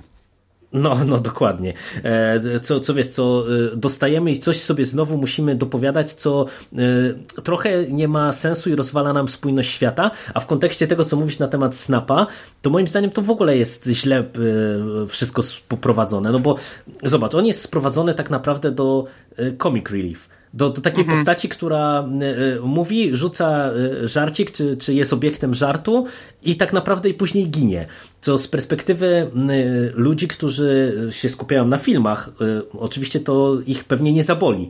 Natomiast z punktu widzenia ludzi, którzy y, śledzą gdzieś tam ten rozszerzony nowy kanon, to uważam, że to jest karygodne poprowadzenie całej sprawy, no bo jednak to jest jedna z tych postaci, która jest budowana wespół z Paul Dameronem i całą eskadrą czarnych przez długi okres czasu i przez no, pokaźną część tego nowego kanonu, który się skupia już właśnie na tych czasach około filmowych, że się tak wyrażę i nagle dostajemy postać, która mówię, najpierw trochę tam pobłaznuje, a później tak naprawdę ginie i, i to wszystko. Mhm. I e, to, to jest podwójnie słabe, bo e, z punktu widzenia widza filmowego to moim zdaniem ta śmierć nie ma żadnego znaczenia, bo to jest po prostu kolejny łepek, który ginie w samobójczym ataku, no bo ci ludzie go nie znają no. e, tak naprawdę. A z kolei z punktu widzenia fanów, którzy go znają, no to takie wyprowadzenie tej postaci jest karygodne. Więc to jest po prostu to jest kolejny taki no no, dla mnie spory, spory minus i takie wypięcie się Abramsa bardziej właśnie e, na e, spójność całego nowego kanonu i na to, e, co inni twórcy z nim robią, niż na samego ostatniego Jedi, bo zaraz przejdziemy jeszcze na przykład do wątków postaci i do czegoś, o czym, o co cię zapytałem na początku i żeśmy popadli w dziesiątki dygresji i popłynęliśmy gdzieś dalej, czyli chociażby na przykład o to połączenie w mocy, które zostało, zostało tak, tak, tak, za chwilę. I to zostało chciałbym dwa zdania. poprowadzone, nie? Także no, jak masz mów, zamiar mów. przejść, to ja uważam znów, że to jest możliwe, a może naciągam, że to jest znów zrobienie czegoś pod e, coś w stylu starej trylogii. Bo w starej trylogii w Nowej Nadziei mamy scenę, gdzie Luke wchodząc do myśliwca spotyka e, Binksa Darklightera, o którym my nic mhm. nie wiemy w filmie. On się z nim wita, cześć, Bix, nie? Bixa, nie Binksa. Bixa, cześć Bix, nie? O cześć, co tu robisz? Opowiem ci o wszystkim, jak wylądujemy. I Bix ginie w, w podobny sposób. E, chroni Luka e, swoim myśliwcem, zostaje zestrzelony. E, Luke na chwilę jest smutny, tak jak tutaj Po jest smutny. I dalej mamy, wiesz, walkę. Tylko, że na tamtym etapie my nie znaliśmy Bixa. Widzowie go nie znali, nikt go nie znał. To była jakaś postać. On, on tylko dlatego się wita tak z Lukiem, bo e, w pierwszym pierwszej wersji Nowej Nadziei on miał dużo więcej scen na początku i był bohaterem, który w ogóle był y, jeszcze na Tatooine i wtedy na końcu, wiesz, to wszystko zostało wycięte. Bixa poznaliśmy dopiero później w rozszerzonym uniwersum. Tutaj jest odwrotnie. My znamy Snapa, znamy go od dziecka, znamy jego dzieciństwo. Wiemy, że niedawno się ożenił przecież, kurczę, w ostatnim komiksie, a, a, a ginie w taki sposób. I, I to jest... Dla mnie to jest, no, jedna z najgorszych rzeczy, to, to bo, może zabrzmi e, bez sensu dla kogoś, kto, kto mnie teraz słucha, ale ja podczas pierwszego seansu ja byłem po prostu się za łeb łapałem, czemu on go zabił, nie? No to kurde, taką postać fajną. I w taki sposób. No, no, zgadza się. Ja się tutaj w pełni e, pod, pod tym podpisuję niestety. E, no ale. Natomiast jeśli chodzi no o te ramy czosowe, ja się z Tobą zgadzam, że że one są dużą wadą, ale jeśli chodzi o finałową bitwę, y, to tutaj ja jednak jestem po stronie, że one były potrzebne. One były potrzebne, żeby ruszyć ten desperacki atak.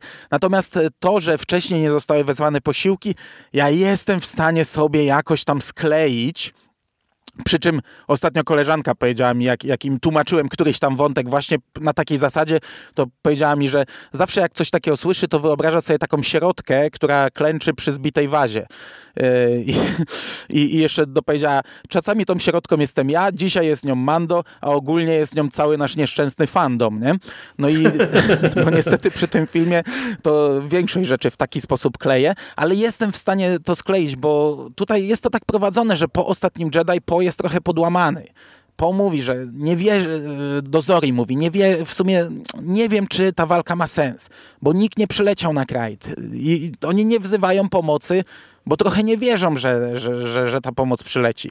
I kilka osób po prostu na przestrzeni filmu przekonuje go, że dobrzy ludzie przylecą, jeśli ktoś ich poprowadzi. No i gdy on e, dochodzi do tego dowództwa, no to To prowadzi, nie, no, no i to tak, wiesz, ja wiem, że to jest, wiesz, dużo taśmy ze Strażników Galaktyki potrzeba klejącej, żeby to e, posklejać, ale jakoś sobie to sklejam, nie? A natomiast ta ostatnia, w ogóle ostatnia bitwa, jak już jesteśmy przy tym, żeby się później nie, nie rozchodzić, to też jest rzecz krytykowana.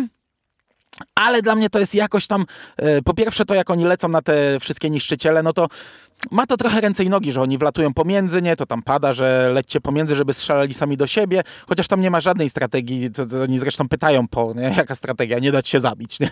E, ale ta scena pojawienia się floty e, doprowadzonej przez Lando, E, to jest wow, to jest takie wielkie ławki. Nie widziałem to trzy razy i za każdym razem to jest takie wow, jak to widzisz, ale ja na samym początku też kręciłem mocno nosem, ci powiem, bo mam wrażenie, że to jest scena zrobiona, e, żeby powtórzyć to, co widzieliśmy w Endgame. Czyli Kapitan Ameryka stoi, tylko że tutaj dla odmiany się nie poddaje tak jak e, po, tylko wstaje ze złamaną tarczą, pobity, prawie pokonany, ale wstaje i chce ruszyć samotnie do ataku, a słyszy, wiesz, e, Falcona z lewej, nie?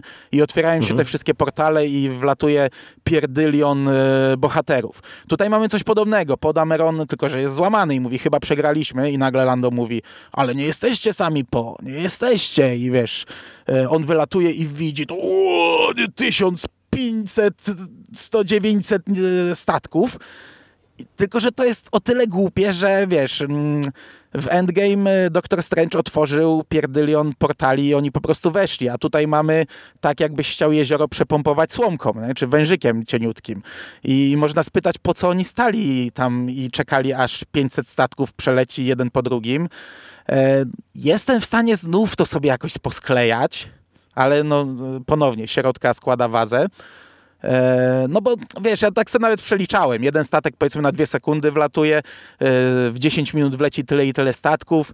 Mm, chcą uderzyć e, tak jednym pierdyknięciem, bo, bo to jest różnica, czy wiesz, czy na kogoś lejesz kropelka po kropelce, czy wylewasz wiadro wody. Także ostatecznie ja to kupuję, ale, ale no, jeśli jest to scena zrobiona analogicznie do Endgame, no to w Endgame została zrobiona troszkę lepiej. Czy wiesz to, y, jak jesteśmy przy tej finałowej bitwie, to y, dla mnie, y, chociaż też dostrzegam głupotę tego pojawienia się tych statków, to mimo wszystko dużo większym problemem jest to, co wspomniałem tam chwilę wcześniej, czyli że znowu to się sprowadza do wyłączenia jednego guzika. No, Najpierw no. wieży, później tego, że oni tam przesyłają ten sygnał do tego okrętu dowodzenia, no bo zobacz, jakie to jest absurdalne w ogóle w założeniach. Jeżeli Ale to jest można trochę ten sygnał zwierzy starej trylogii, nie?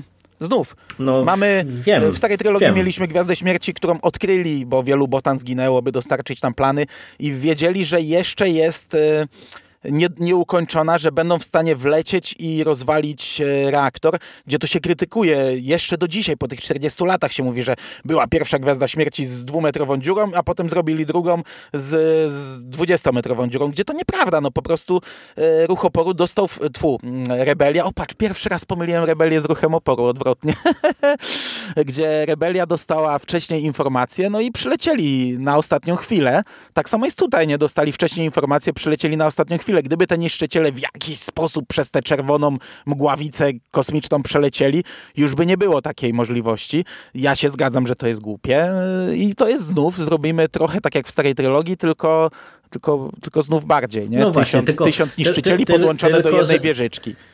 Tylko wpadłeś mi w słowo, bo wiesz, dla mnie to jest o tyle y, gorsze rozwiązanie niż y, w, z Gwiazdą Śmierci, że zwróć uwagę, że tutaj mamy znowu to y, podbicie stawki, które niestety, tak jak w wielu sequelach, powoduje, że coś się robi absurdalne, bo nie zawsze jak zrobić no, coś no. mocniej, to, to znaczy, że będzie działało tak samo efektownie, tylko dwa razy bardziej, bo tutaj w ramach podbicia tej, tej stawki to najpierw okazuje się, że wie, że mogą rozwalić to nie przesyłamy sygnał do okrętu dowodzenia. No i teraz ja nie rozumiem, dlaczego nie można zrobić ping-ponga, że e, w tym momencie to inny no, niszczyciel wiem. jest e, tym okrętem dowodzenia i moglibyśmy sobie tak, e, że tak powiem, robić tego ping-ponga sygnałem, a cały Resistance by wtedy nic nie mógł zrobić, ale nie mielibyśmy tej efektownej sceny desantu na niszczycielu, która jest urocza, absurdalna, ale, ale akurat jest efektowna, jest fajna, fajna. Ona mi się podoba, chociaż jest bez sensu rozegrana, bo yy, oni mówią strzelajcie do e, jakichś tam statków, nie pamiętam jakich. A ten jeden mówi, o, ale oni nie używają statków, a oni dopiero wtedy otwierają bramę i wyskakują. To jest zrobione tak, żeby, żebyśmy my zrobili wow, ale to jest bez sensu, no bo skąd oni wiedzieli, że nie używają statków, zanim oni w ogóle wyjechali, nie? No ale dobra, no nieważne, no jest to dosyć fajne, ale zgadzam się totalnie, że tam mogli zrobić ping-pong i, i po kłopocie. E, no jest to, jest to, e, jest to bez sensu, nie? Rozwalenie. A jeszcze dodatkowo, wiesz, wprowadzenie tego, że Finn jest czuły na moc, co nie pada z ekranu, ale wiadomo, że o to chodzi, też ułatwia dużo, nie? Skąd wiesz, że no tak, przesłali, tak, skąd tak. wiesz, że przesłali e, na ten niszczyciel? Przeczucie, nie? No.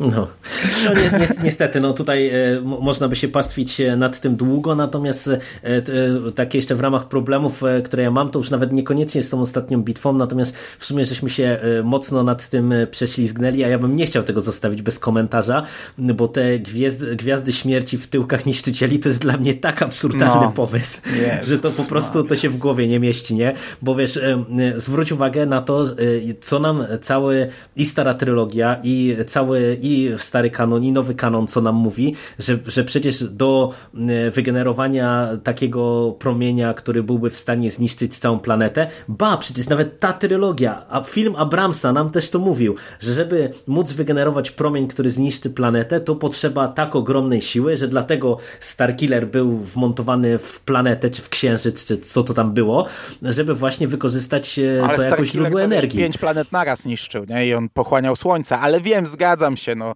Ale to tak jak, to trochę tak jak w życiu, wiesz. Kiedyś komputery miały 1 giga pamięci, teraz nosisz w kieszeni w mikrourządzeniu 100 parę giga, nie? No ale wiem, wiem, wiem, no jest to głupie, no ja nie będę tego bronił, bo jest to kretyńskie. Pierwszą Gwiazdę Śmierci budowali 19 lat i, i książki nam mówiły jak, jak... Fakt, że no to była pierwsza, więc musieli ją jakoś wymyślić. Drugą już budowali chyba 3 lata, ale potem ostatni Jedi Gwiazda Śmierci na kółkach która ma walnąć w drzwi, wali w te drzwi i tak naprawdę nic nie robi, pomimo, że jest miniaturową gwiazdą śmierci. Teraz nowa flota, która ma 100 tysięcy gwiazd śmierci w pistoleciku, co w sumie dowodzi, że ona chyba jednak nie była budowana w okresie starej trylogii, bo chyba wtedy nie mieli takiej tak doskonałych możliwości, żeby tyle gwiazd śmierci wybudować mikro. Nie wiem, jak będzie następna trylogia, to chyba będą mieli blastery z Gwiazdami Śmierci i będą se strzelać i rozwalać planety z ręki. Tak to wychodzi. No jest to głupie. No jest to, no to jest... Ja pamiętam, jak ten strzał padł, to w sumie mówię fajne, nie? Bo to jest ten strzał, który widzieliśmy w trailerze. Tak, że tak, w jednym no. z trailerów widać było, jak taka czerwona wiązka wali w planetę. I mówię, spoko. A nagle ta planeta zaczęła wybuchać i nagle pojawił się ten wybuch, który ja nie wiedziałem, co oznacza w trailerze. Bo w trailerze mieliśmy taką scenę, gdzie Rey płynie tym, tym stateczkiem po falach i dosłownie na sekundę zmienia się ekran, widzimy niszczyciel jakiś wybuch i znów zmieniał się ekran na te fale. I to było takie dla mnie dziwaczne w trailerze. Ja nie wiedziałem, co to oznacza. Nie? No i teraz się dowiedziałem, jak wybuchła ta planeta, to mówię, Jezus Maria, no zrobiliby cięcie 3 sekundy, 2 sekundy wcześniej i to by miało sens. No, jakiś potężny strzał w planetę, który rozwalił, nie wiem, kontynent, czy państwo, czy, czy nawet miasto, no to już jest dużo, nie? Ale tu wybuchająca planeta i nam się próbuje mówić, że wszystkie te statki mają mikrogwiazdę śmierci przyczepioną do siebie. No to nie. No. To jest mocno no, pojechane. Nie, nie, niestety. Natomiast to na razie krytykujemy wszystkie rozwiązania fabularne po, po całości, a w sumie wspomniałeś e, nie, no ja dzisiaj, trochę bronię. Ja... No, trochę bronisz, ale, ale wiesz, ale tak ogólnie wyszła no wiem, nam wiem, mocna krytyka. Zużyłem, zużyłem ale... ze trzy taśmy klejące. Ma ktoś taśmę? Ale to y, przejdźmy może do, do tego, co moim zdaniem e, lepiej w tym filmie gra, e, co trochę sygnalizowałem w podcaście o Mandalorianinie, czyli e, do wątkach postaci. I tutaj powróciłbym do tego, od, od czego w sumie jakoś tam zaczynaliśmy i tego, co cię zapytałem odnośnie tego połączenia w mocy i wątku Rey i Kylo Rena, później Bena Solo, bo tak podprowadzając trochę tutaj do, do tego tematu, to jest coś, co jest z jednej strony przez wielu krytykowane, no bo to się opiera na z tej, takiej, tym dualizmie tych postaci w mocy, tym, że Rey jest wnuczką imperatora i, i, i, też jakby ma tę złą moc niejako gdzieś tam we krwi.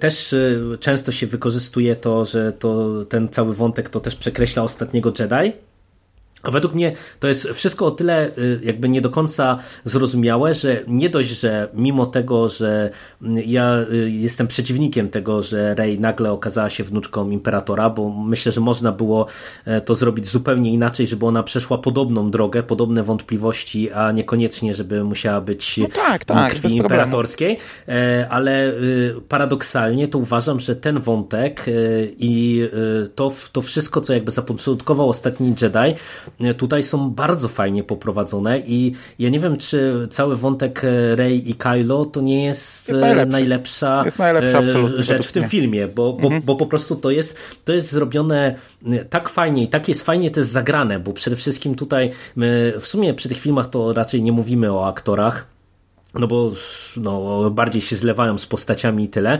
Natomiast mam wrażenie, że tutaj nie dość, że to jest e, dobrze prowadzony wątek, ciekawie prowadzony. E, ciekawie prowadzona jest ta taka e, love-hate relationship, gdzie oni się tam trochę próbują przeciągnąć każdy na swoją stronę, trochę próbują się zniszczyć. To jeszcze tak naprawdę ta dwójka dostaje chyba najefektowniejsze i najfajniejsze sceny, bo przecież tak naprawdę cała ta sekwencja w, we wrażeniu braku Gwiazdy Śmierci, to pod kątem to takim stricte... walka. To, kurde, mów, mów, bo ja ci będę przerywał, a jak ja zacznę nie, mówić, ale, to nie skończę. Ale nie bo, nie, bo to właśnie tak do tego też chciałem nawiązać, że nie dość, że ta walka jest świetna, to e, ta sekwencja cała e, na, na tej, przy tym wraku e, to jest rewelacyjnie od strony wizualnej, że tutaj mamy pierwszy raz w tym filmie, ja odczułem coś takiego, że nie dość, że coś jest efektowne, to że jeszcze jest fajnie poprowadzone w kontekście postaci. I tutaj tak naprawdę ja mam wrażenie, że najwięcej twórcy e, wycisnęli dobrego, bo tutaj naprawdę cała ta relacja i cały ten wątek, tak jak to jest pisane, nawet z różnymi e, dziwnymi pomysłami, które się początkowo dziwne wydają, jak to, że oni e, tam w mocy mogą się połączyć, nie wiem, jak tam mamy te sekwencje, że oni się widzą na odległość, albo że coś tam im spadnie na odległość. że widzą tylko siebie, a nie widzą tła, a tło przenika. To jest genialnie tak. wykorzystane na koniec, jak ona chowa miecz za plecami i podaje jemu.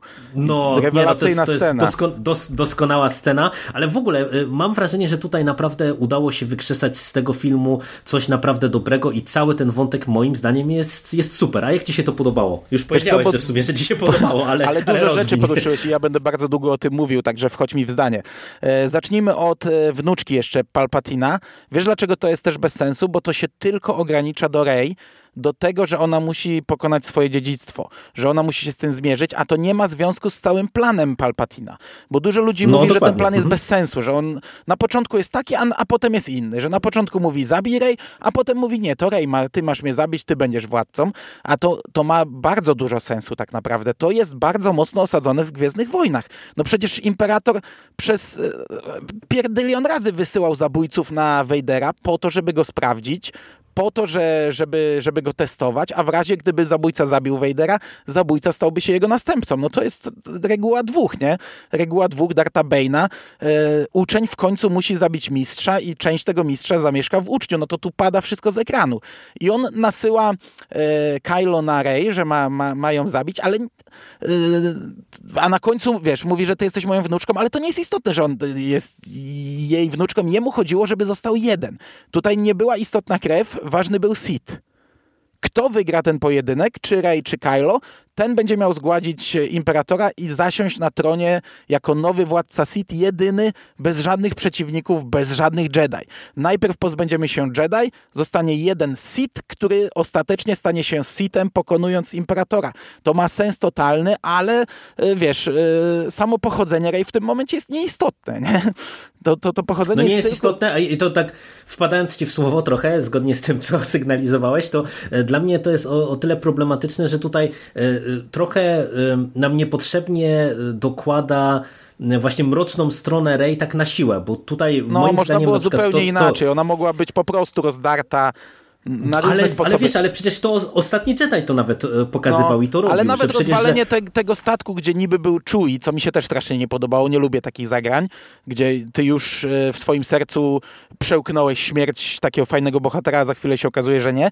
Wiesz, nie musiała go piorunami rozwalać. No to mogło Jezu, przypadkiem za, za dużo mocy użyła, statek uderzył o skałę, rozbił się i ona już jest rozdarta. No nawet to mogłem rozedrzeć, wiele innych rzeczy mogłem tu rozedrzeć, nie?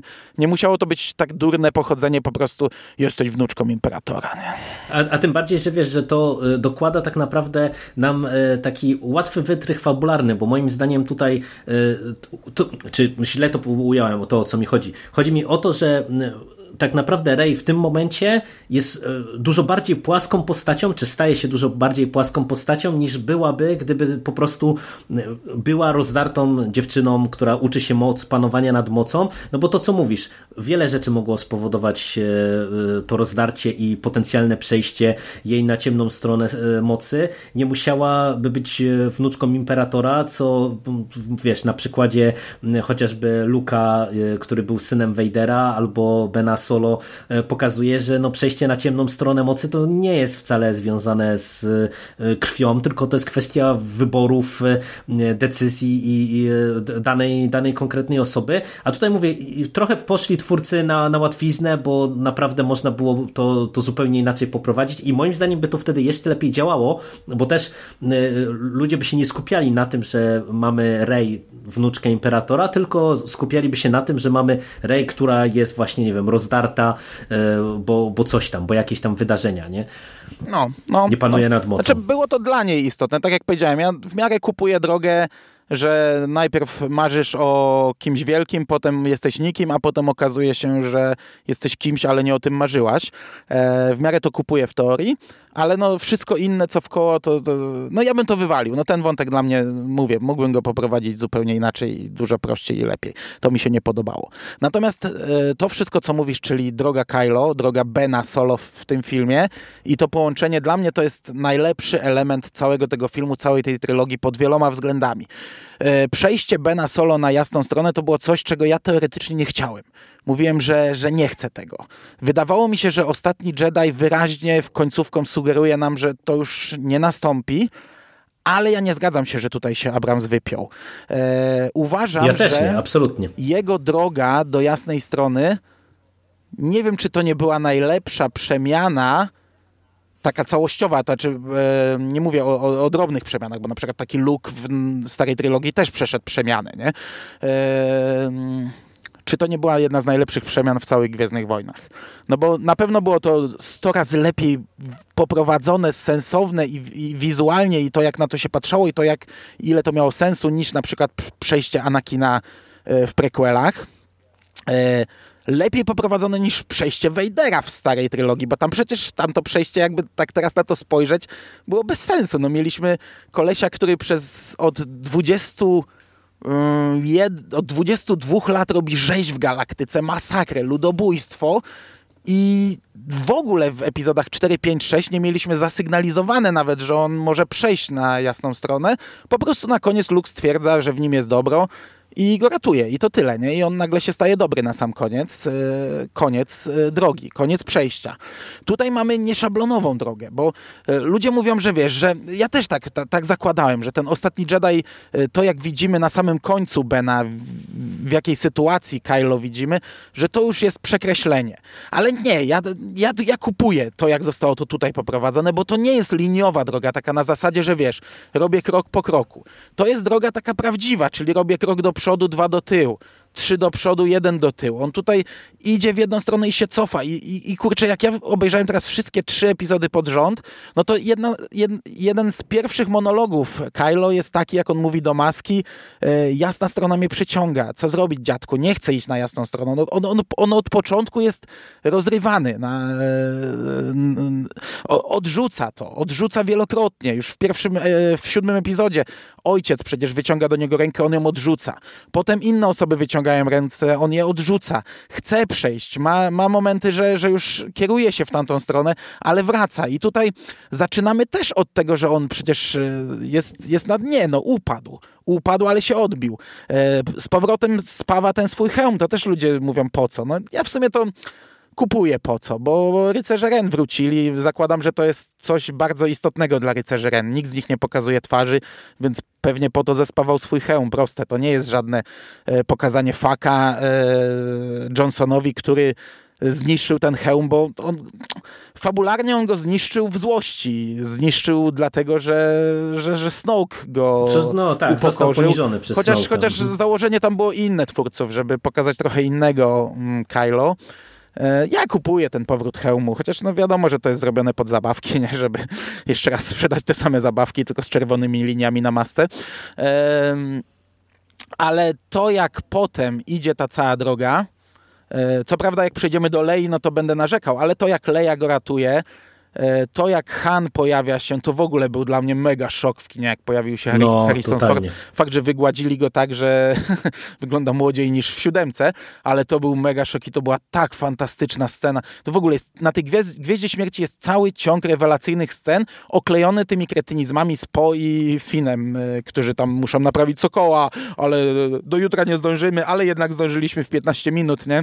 E, ale ta cała walka, powiem ci, że ta walka ich na Gwieździe Śmierci to jest jedna z najlepszych walk na miecze w Gwiezdnych Wojnach.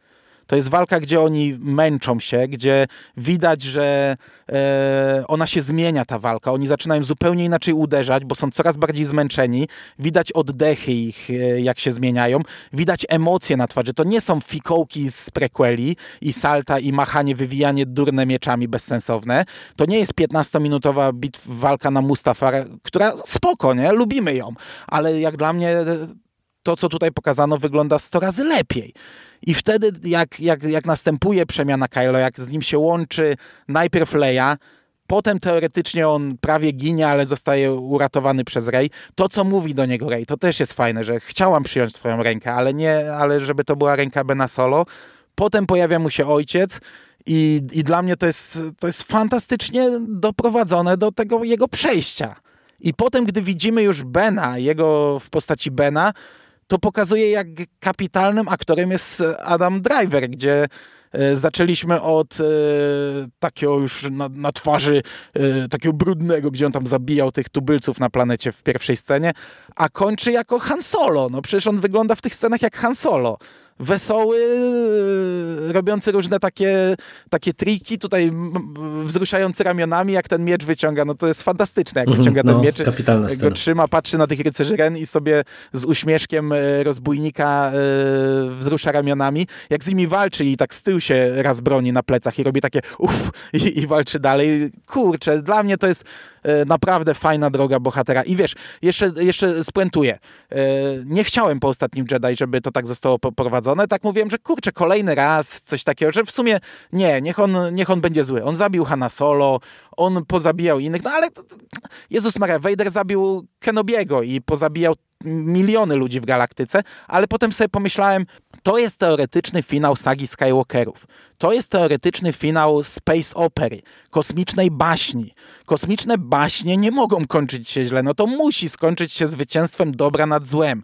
To musi skończyć się odkupieniem Bena i, i ja kupuję to odkupienie. Ja się cieszę, że tak. Nie zmieniłbym tego. To jest coś, czego bym nie zmienił po, po seansie. Ja się z e, większością tych rzeczy zgadzam, ale to jeszcze wyciągnę kilka e, wątków czy elementów dodatkowych e, z całej tej przemiany, bo ja w pełni się podpisuję pod tym, co powiedziałeś, że m, to, to wszystko, co się rozgrywa e, pomiędzy Rey a Kylo m, tam w tym wraku Gwiazdy Śmierci, to jest rewelacyjne. E, Ja kupuję ten motyw e, z Leją, e, tym bardziej, że to też jeszcze o niej to na pewno dwa zdania. niej przejdziemy, wiesz, no. tak, tak. No, w, moim zdaniem to w kontekście jej wyprowadzenia to też nieźle zagrało. E, Kiedy się pojawia e, Han Solo, to było dla mnie rewelacyjne, e, tym bardziej, że mamy to tak, no może tanio z perspektywy wielu, ale Ej, to nie jest dla mnie Jak on wzruszaj, mówi, wzruszająco. Jak on mówi do niego dzieciaku, a jak, a jak jeszcze Ben na sam końcu zaczyna mówić tato, tato, on mówi wiem, No, to, wiem, to no, łezka to z jest- to-.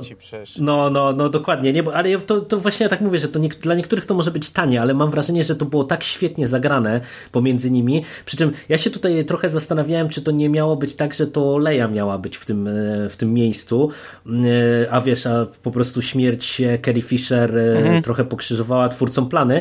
Natomiast nieważne jak, jakby co doprowadziło do tego, że, że dostaliśmy scenę, którą dostaliśmy, ale moim zdaniem to paradoksalnie fajnie zagrało, że, że wiesz, że mamy tutaj Hanna Solo, który teoretycznie był przez swoją śmierć tą postacią, która strąciła go na ciemną ciemną stronę, a teraz go jakby wyciągnęła e, Ale wiesz, to w założeniu miał strącić nie? na ciemną stronę, a wielokrotnie było powiedziane, że on jest rozbity po tej śmierci. I ostatni Jedi to mówił, i teraz Skywalker odrodzenie, że on nie może się pozbierać po tej śmierci ojca.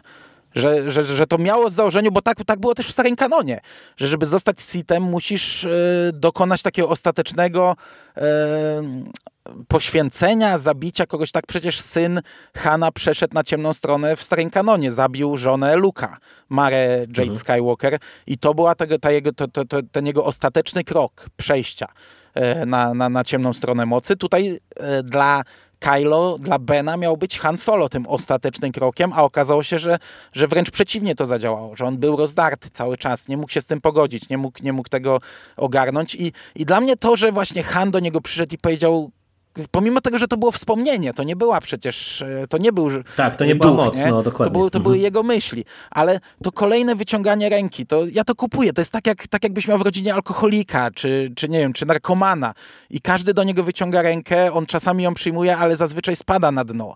I, i, i to, to kolejne wyciąganie ręki do Kylo przez nich, to, to mówienie wcale nie jest za późno. Cały czas możesz wrócić, wróć do nas, nie? Przejdź. To jest dla mnie super, ale powiem ci, że w tym kontekście E, bardzo źle odbieram postać Luka. Niestety, ale dla mnie nie e, ósmy epizod, a dziewiąty i pokazanie, że jednak e, Kylo był do wyciągnięcia, mocno dyskusyjnie stawia mi Luka. No, to, to o tym, do, do postaci Luka, dojdziemy. który przecież też Dobrze. się tutaj pojawia, to jeszcze dojdziemy za chwilę. Natomiast to, co jeszcze chciałem wy, wyciągnąć, to jest kwestia tego motywu, że Rey E, leczy e, tutaj e, Bena i, i, i, tego, co później jakby nam też wraca w finale, kiedy to on ją niejako leczy, oczy, no, wraca no, jej życie. Bo, bo to jest też, do życia Tak, bo to jest, to jest mocno krytykowane w wielu miejscach, że taki też mogliby sobie teraz co, dawać życie na zmianę. w kinie, to Ingo powiedział, jestem przekonany, że ludzie będą to krytykować. Jak nie znają rozszerzonego uniwersum, no. będą to krytykować.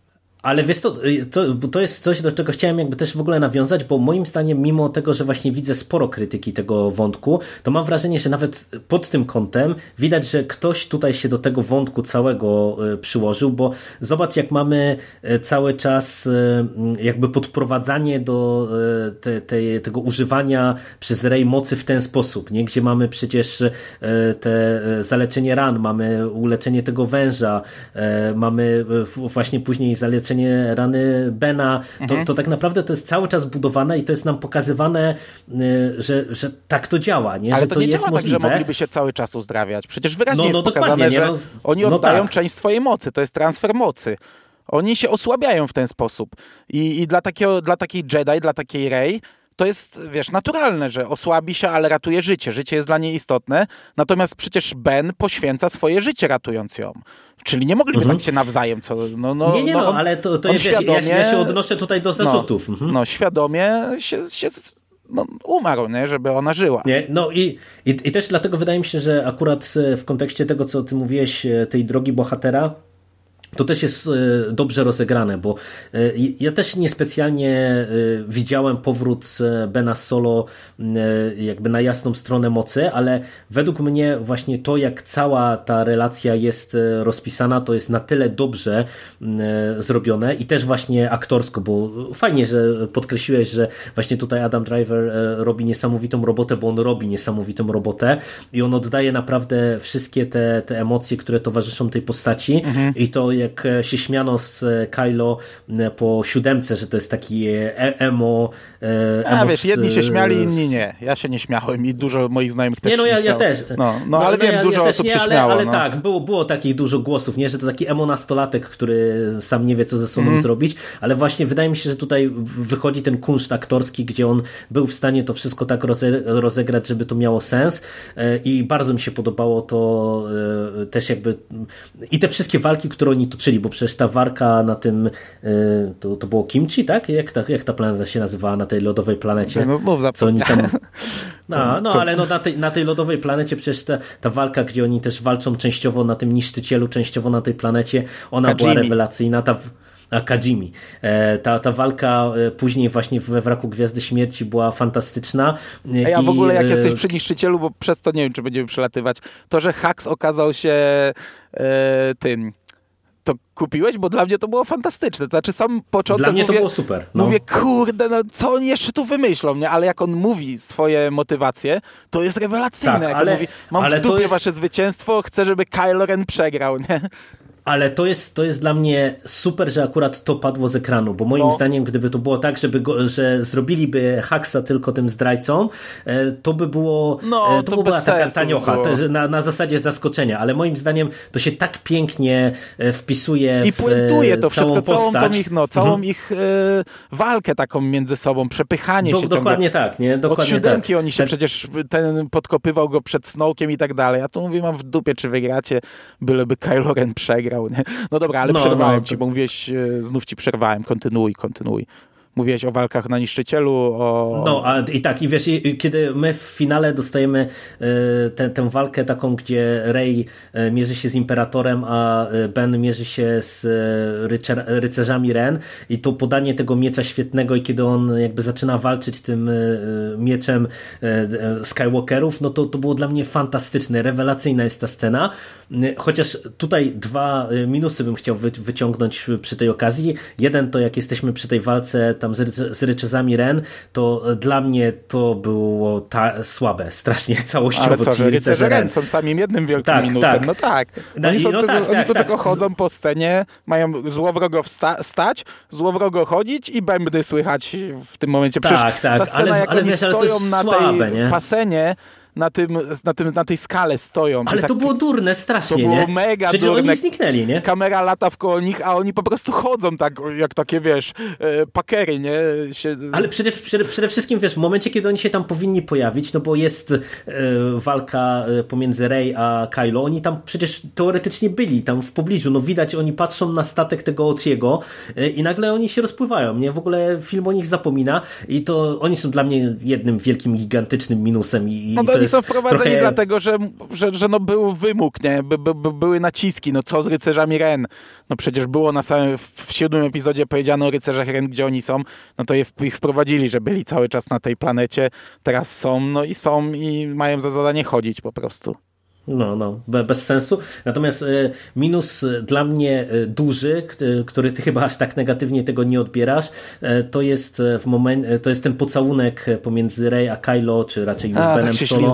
W, w, w, w, w, momencie, w momencie, kiedy dochodzi do, do uzdrowienia, czy wskrzeszenia Rey, bo dla mnie to jest coś, co jest totalnie niepotrzebnym zabiegiem i co ja naprawdę odebrałem jako taki strzał w pysk, dla mnie przynajmniej, bo to jest dla mnie coś takiego, jakby Abrams wziął i poczytał sobie te wszystkie fanfiki o Reylo i nie chciał tego jakby kanonizować, nie? ale z drugiej strony dać uśmiech do tych wszystkich fanów i dodatkowe paliwo dla tych wszystkich, którzy z tego czerpali, z tego wątku czerpali przyjemność i się nim bawili, bo ja mam o to pretensje nawet nie tyle o sam pocałunek, tylko o to, że on jest bez sensu w kontekście tak świetnie budowanej relacji pomiędzy tymi postaciami, gdzie My widzimy przez, no w, zasadzie wszystkie te filmy, bo, bo moim zdaniem na przykład Ostatni Jedi świetnie to rozgrywał też po, pomiędzy tymi postaciami, to, to przyciąganie, takie odpychanie się ich, to, to mocowanie się z, pomiędzy nimi i też z mocą i, i z jasną, ciemną stroną, to było wszystko rewelacyjnie poprowadzone i na koniec w ramach puenty dostajemy po prostu y, obściskiwanie, które no dla mnie jest karygodnym błędem scenariuszowym. A jak ty to czujesz? Wiesz co, zanim przejdę do pocałunku, bo o nim na pewno nie zapomnę, a o jednej rzeczy zapomniałem, to jeszcze to połączenie w mocy e, Kylo i Rey. Mm, jest. Znaczy ja w ogóle zakładałem, że ostatnia scena ostatniego Jedi ucina to. Gdy oni jeszcze raz mhm. siebie widzą, on klęczy, e, trzyma te kości, które znikają, Hanna i ona zamyka Sokoła i w tym momencie pff, myślałem, że to jest ucięcie. To trochę jest takie dyskusyjne, bo w ostatnim Jedi Snoke mówi, to ja stworzyłem połączenie między wami, a potem w Skywalker Odrodzenie na sam koniec Imperator, o kurde, wy jesteście połączeni, nie? Gdzie to Imperator stworzył Snoke'a. Inna sprawa, że wiesz, Imperator nie musiał czytać myśli Snowka na bieżąco. Snoke był jakąś indywidualną postacią, pomimo tego, że został stworzony i był kierowany przez Imperatora i też pewnie kłamał. No zakładam, film mi tego nie mówi, ale zakładam, że to było kłamstwo. Już wtedy tak myślałem, skoro dalej to połączenie istniało.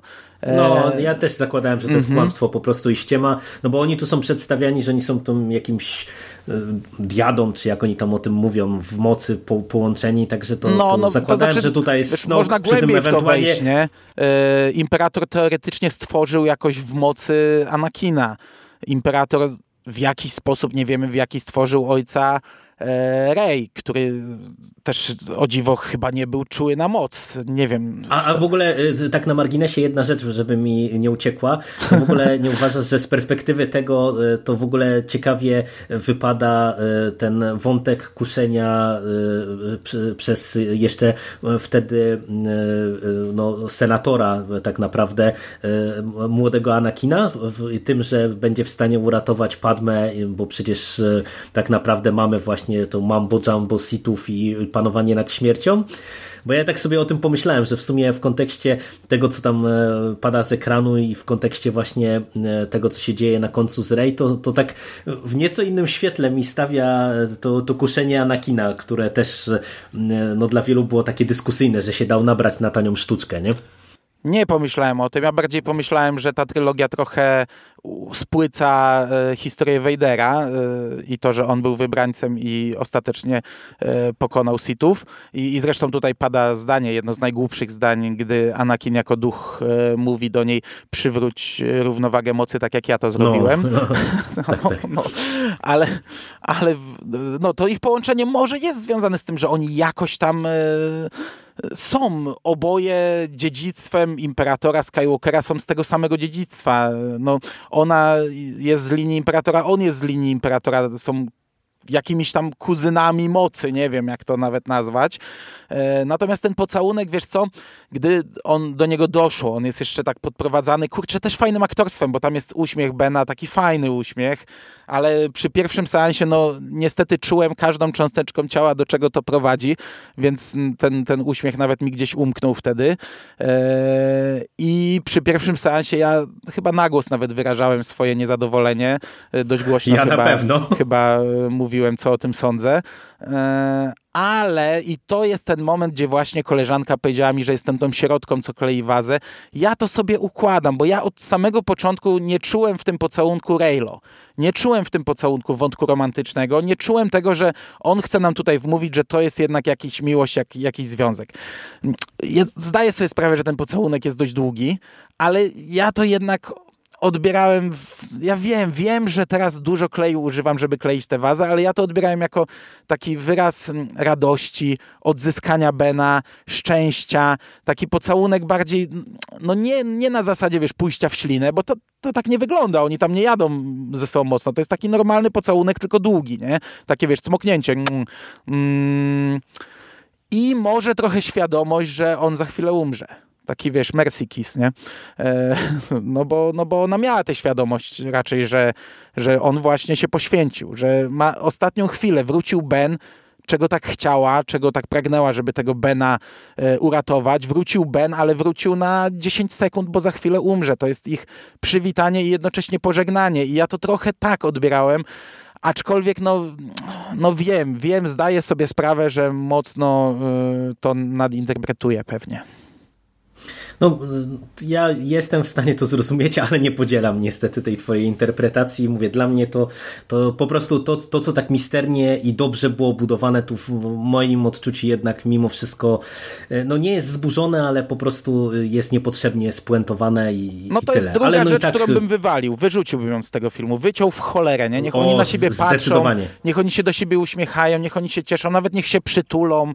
E, No ale niekoniecznie pocałunek, bo to jest właśnie coś, co oczywiście ja mogę nadinterpretować, ale jednak no, wydaje mi się, No że... Disney ponoć w, w Singapurze e, czy w Chinach wyciął ten pocałunek e, dwóch kobiet, który mi, e, miga przez 5 sekund, to mogliby wyciąć dwa pocałunki i wtedy byłoby zdecydowanie lepiej. Miga jak przez już, pół bo- sekundy chyba, a nie przez pięć tak, sekund. nie no, a, a to jest, to, to, to tak na marginesie, to, to też pokazuje, kurde, słabość tych obecnych korporacji, nie, że dla, żeby się podlizać tam chińskim dygnitarzom, e, ro, robią coś, ja nie co po nie prostu wiedziałem, jest... że to wycięli.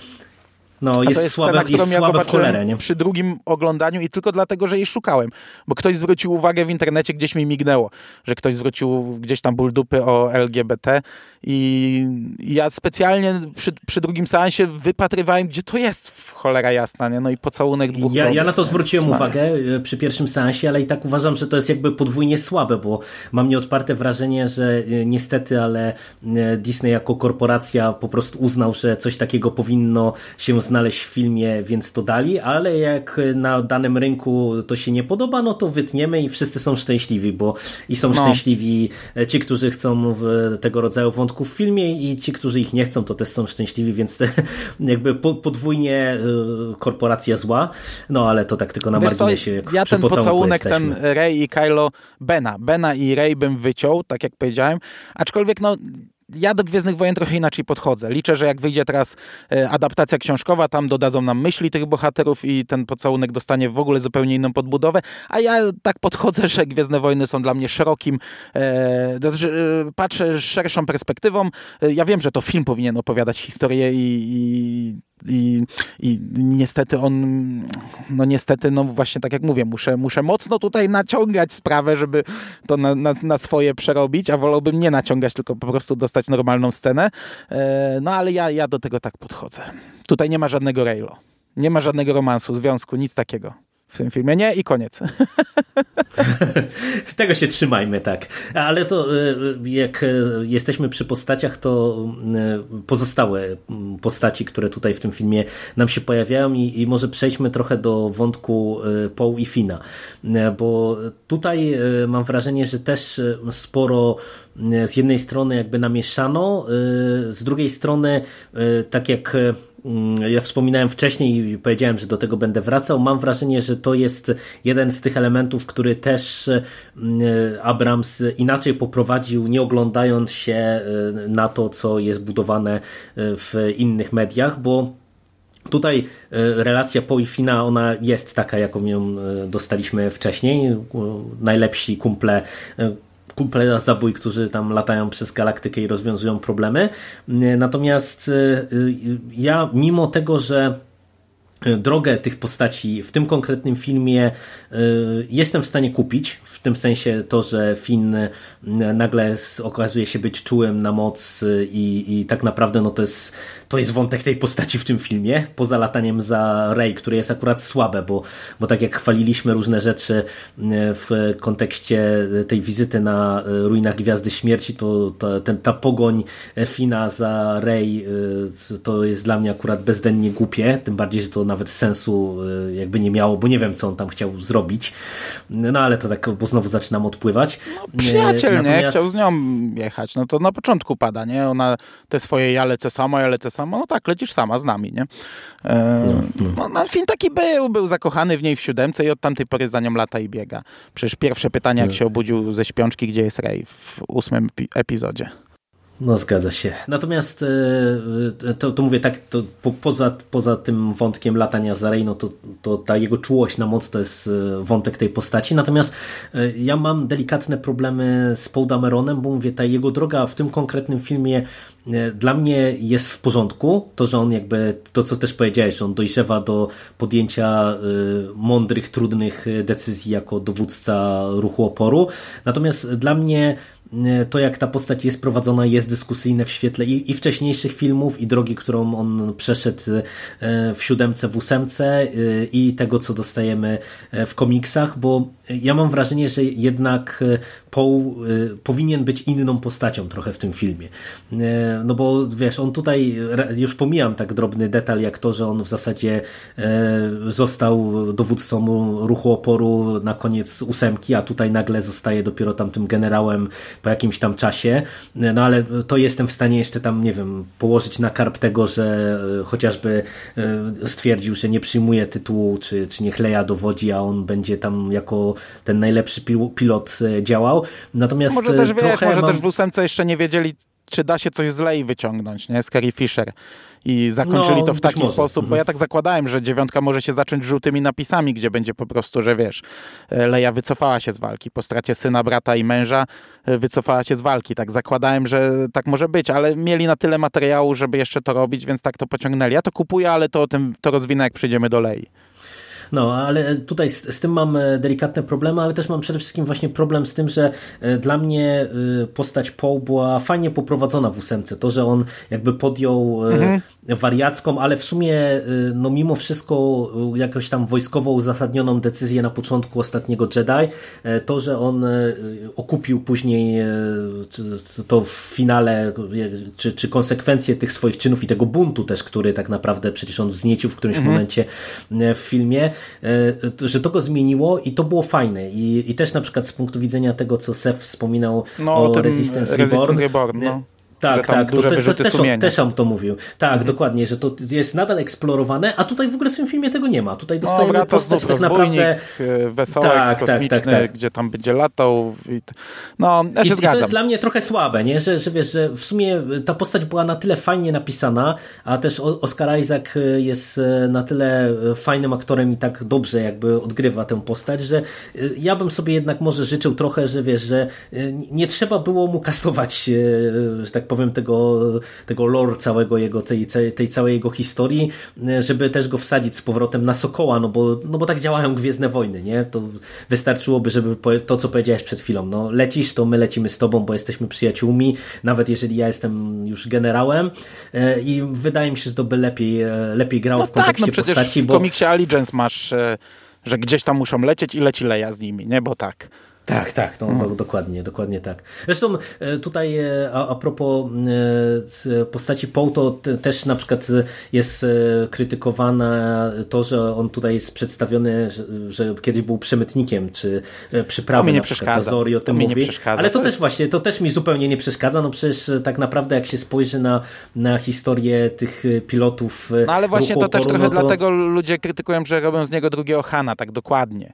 Bo Han też był przemytnikiem, no, że, no to że to tak. niepotrzebne. Mhm. Chyba nie samo to, że był przemytnikiem, bo to nie jest żadna rysa na szkle, tylko to, że, chcą, że, że za bardzo drugiego Hana z niego robią, ale to mnie przeszkadza. To, było, to były z tym dobre żarty. Ja z kolei spotkałem się z krytyką, że jest za, bardzo, za dużym bucem, że aż takim nie był we wcześniejszych epizodach, bo tu ma kilka takich, e, takich wiesz, mm, pyskówek do Fina, do Rey, e, do C-3PO, acz, a, aczkolwiek no do C-3PO to, to, to, to znów taka kopia Hana się robi, nie? Że, że, że on tam e, z, z nim sobie tak e, jedzie ale no jest trochę, trochę większym bucem niż we wcześniejszych epizodach, chociaż we wcześniejszych też był taki, e, też te, no, to, to nie jest jakaś gigantyczna zmiana. grało. Ale zgadzam się z tobą, że jednak ta ósemka prowadziła do e, pewnej zmiany i ja po ósemce obstawiałem, że będziemy mieli przeskok czasowy i zobaczymy jakiegoś, nie wiem, admirała na mostku. Że już nie, on nie będzie rozbójnikiem, tylko że w ogóle zmieni się całkowicie postać. No nie dziwię się, że tego nie zrobiono, bo, bo, bo to tak jakby z Hanem coś takiego zrobiono. No to jest taka postać, że, że, że ludzie chyba raczej wolą go oglądać w taki sposób. E, I on pewnie nigdy nie zostanie admirałem na mostku, bo to jest taki właśnie łobuz, rozbójnik e, kosmiczny. I tak jak tobie tam Mateusz Skoczylas wytknął w komentarzu, że, yy, że, że, że, że Han Solo też był generałem, a też latał na wszystkie misje i tam i w ogóle się nie zmienił, nie? Dobra, kupuję to, ale jednak wolałbym, żeby, żeby jakieś wnioski zostały wyciągnięte z tego ostatniego Jedi i żeby trochę ta postać była inna. Yy, no może to jest tak jak, tak jak mówimy, spowodowane tym, że jednak yy, udało się wykrzesać z Lei tyle, żeby ją tutaj wcisnąć i ona była dalej przywódcą, ale tak czy siak, no trochę inaczej bym to poprowadził, bo on jest, to są fajne żarty, ja tam się z tego chichrałem przez cały pierwszy seans, nie? Te, te całe interakcje pomiędzy Po i Finem i C-3PO i to jak oni, oni tutaj w zasadzie mówią tylko żartami, to, to jest tak napisane, że... że, że, że no, że stąd też te moje skojarzenia pewnie ze Strażnikami Galaktyki tam na początku. No, każda no, wymiana tak zdań to czas. są żarty. No, ale no, no dobra, no tutaj przyklepuję, natomiast Finn Wiesz co, to trochę inaczej, jak teraz byłem na maratonie, to trochę inaczej stawia jedną scenę, bo gdy szturmowcy są w wiosce i Finn nie strzela, Kylo odchodzi i on nie widzi tego, że Finn nie strzela, ale się zatrzymuje i przez chwilę stoi i powoli się obraca w jego stronę i to było interpretowane tak, że po prostu zobaczył, że nie strzela, nie? A, a, a ja teraz jak oglądałem to już ze świadomością, że Finn gdzieś tam jest lekko czuły na moc, to tak odebrałem to, że może coś tam, jakiś mikro e, coś wyczuł w tym momencie w nim Kylo, aczkolwiek to też jest przeze mnie dopisywane, nie?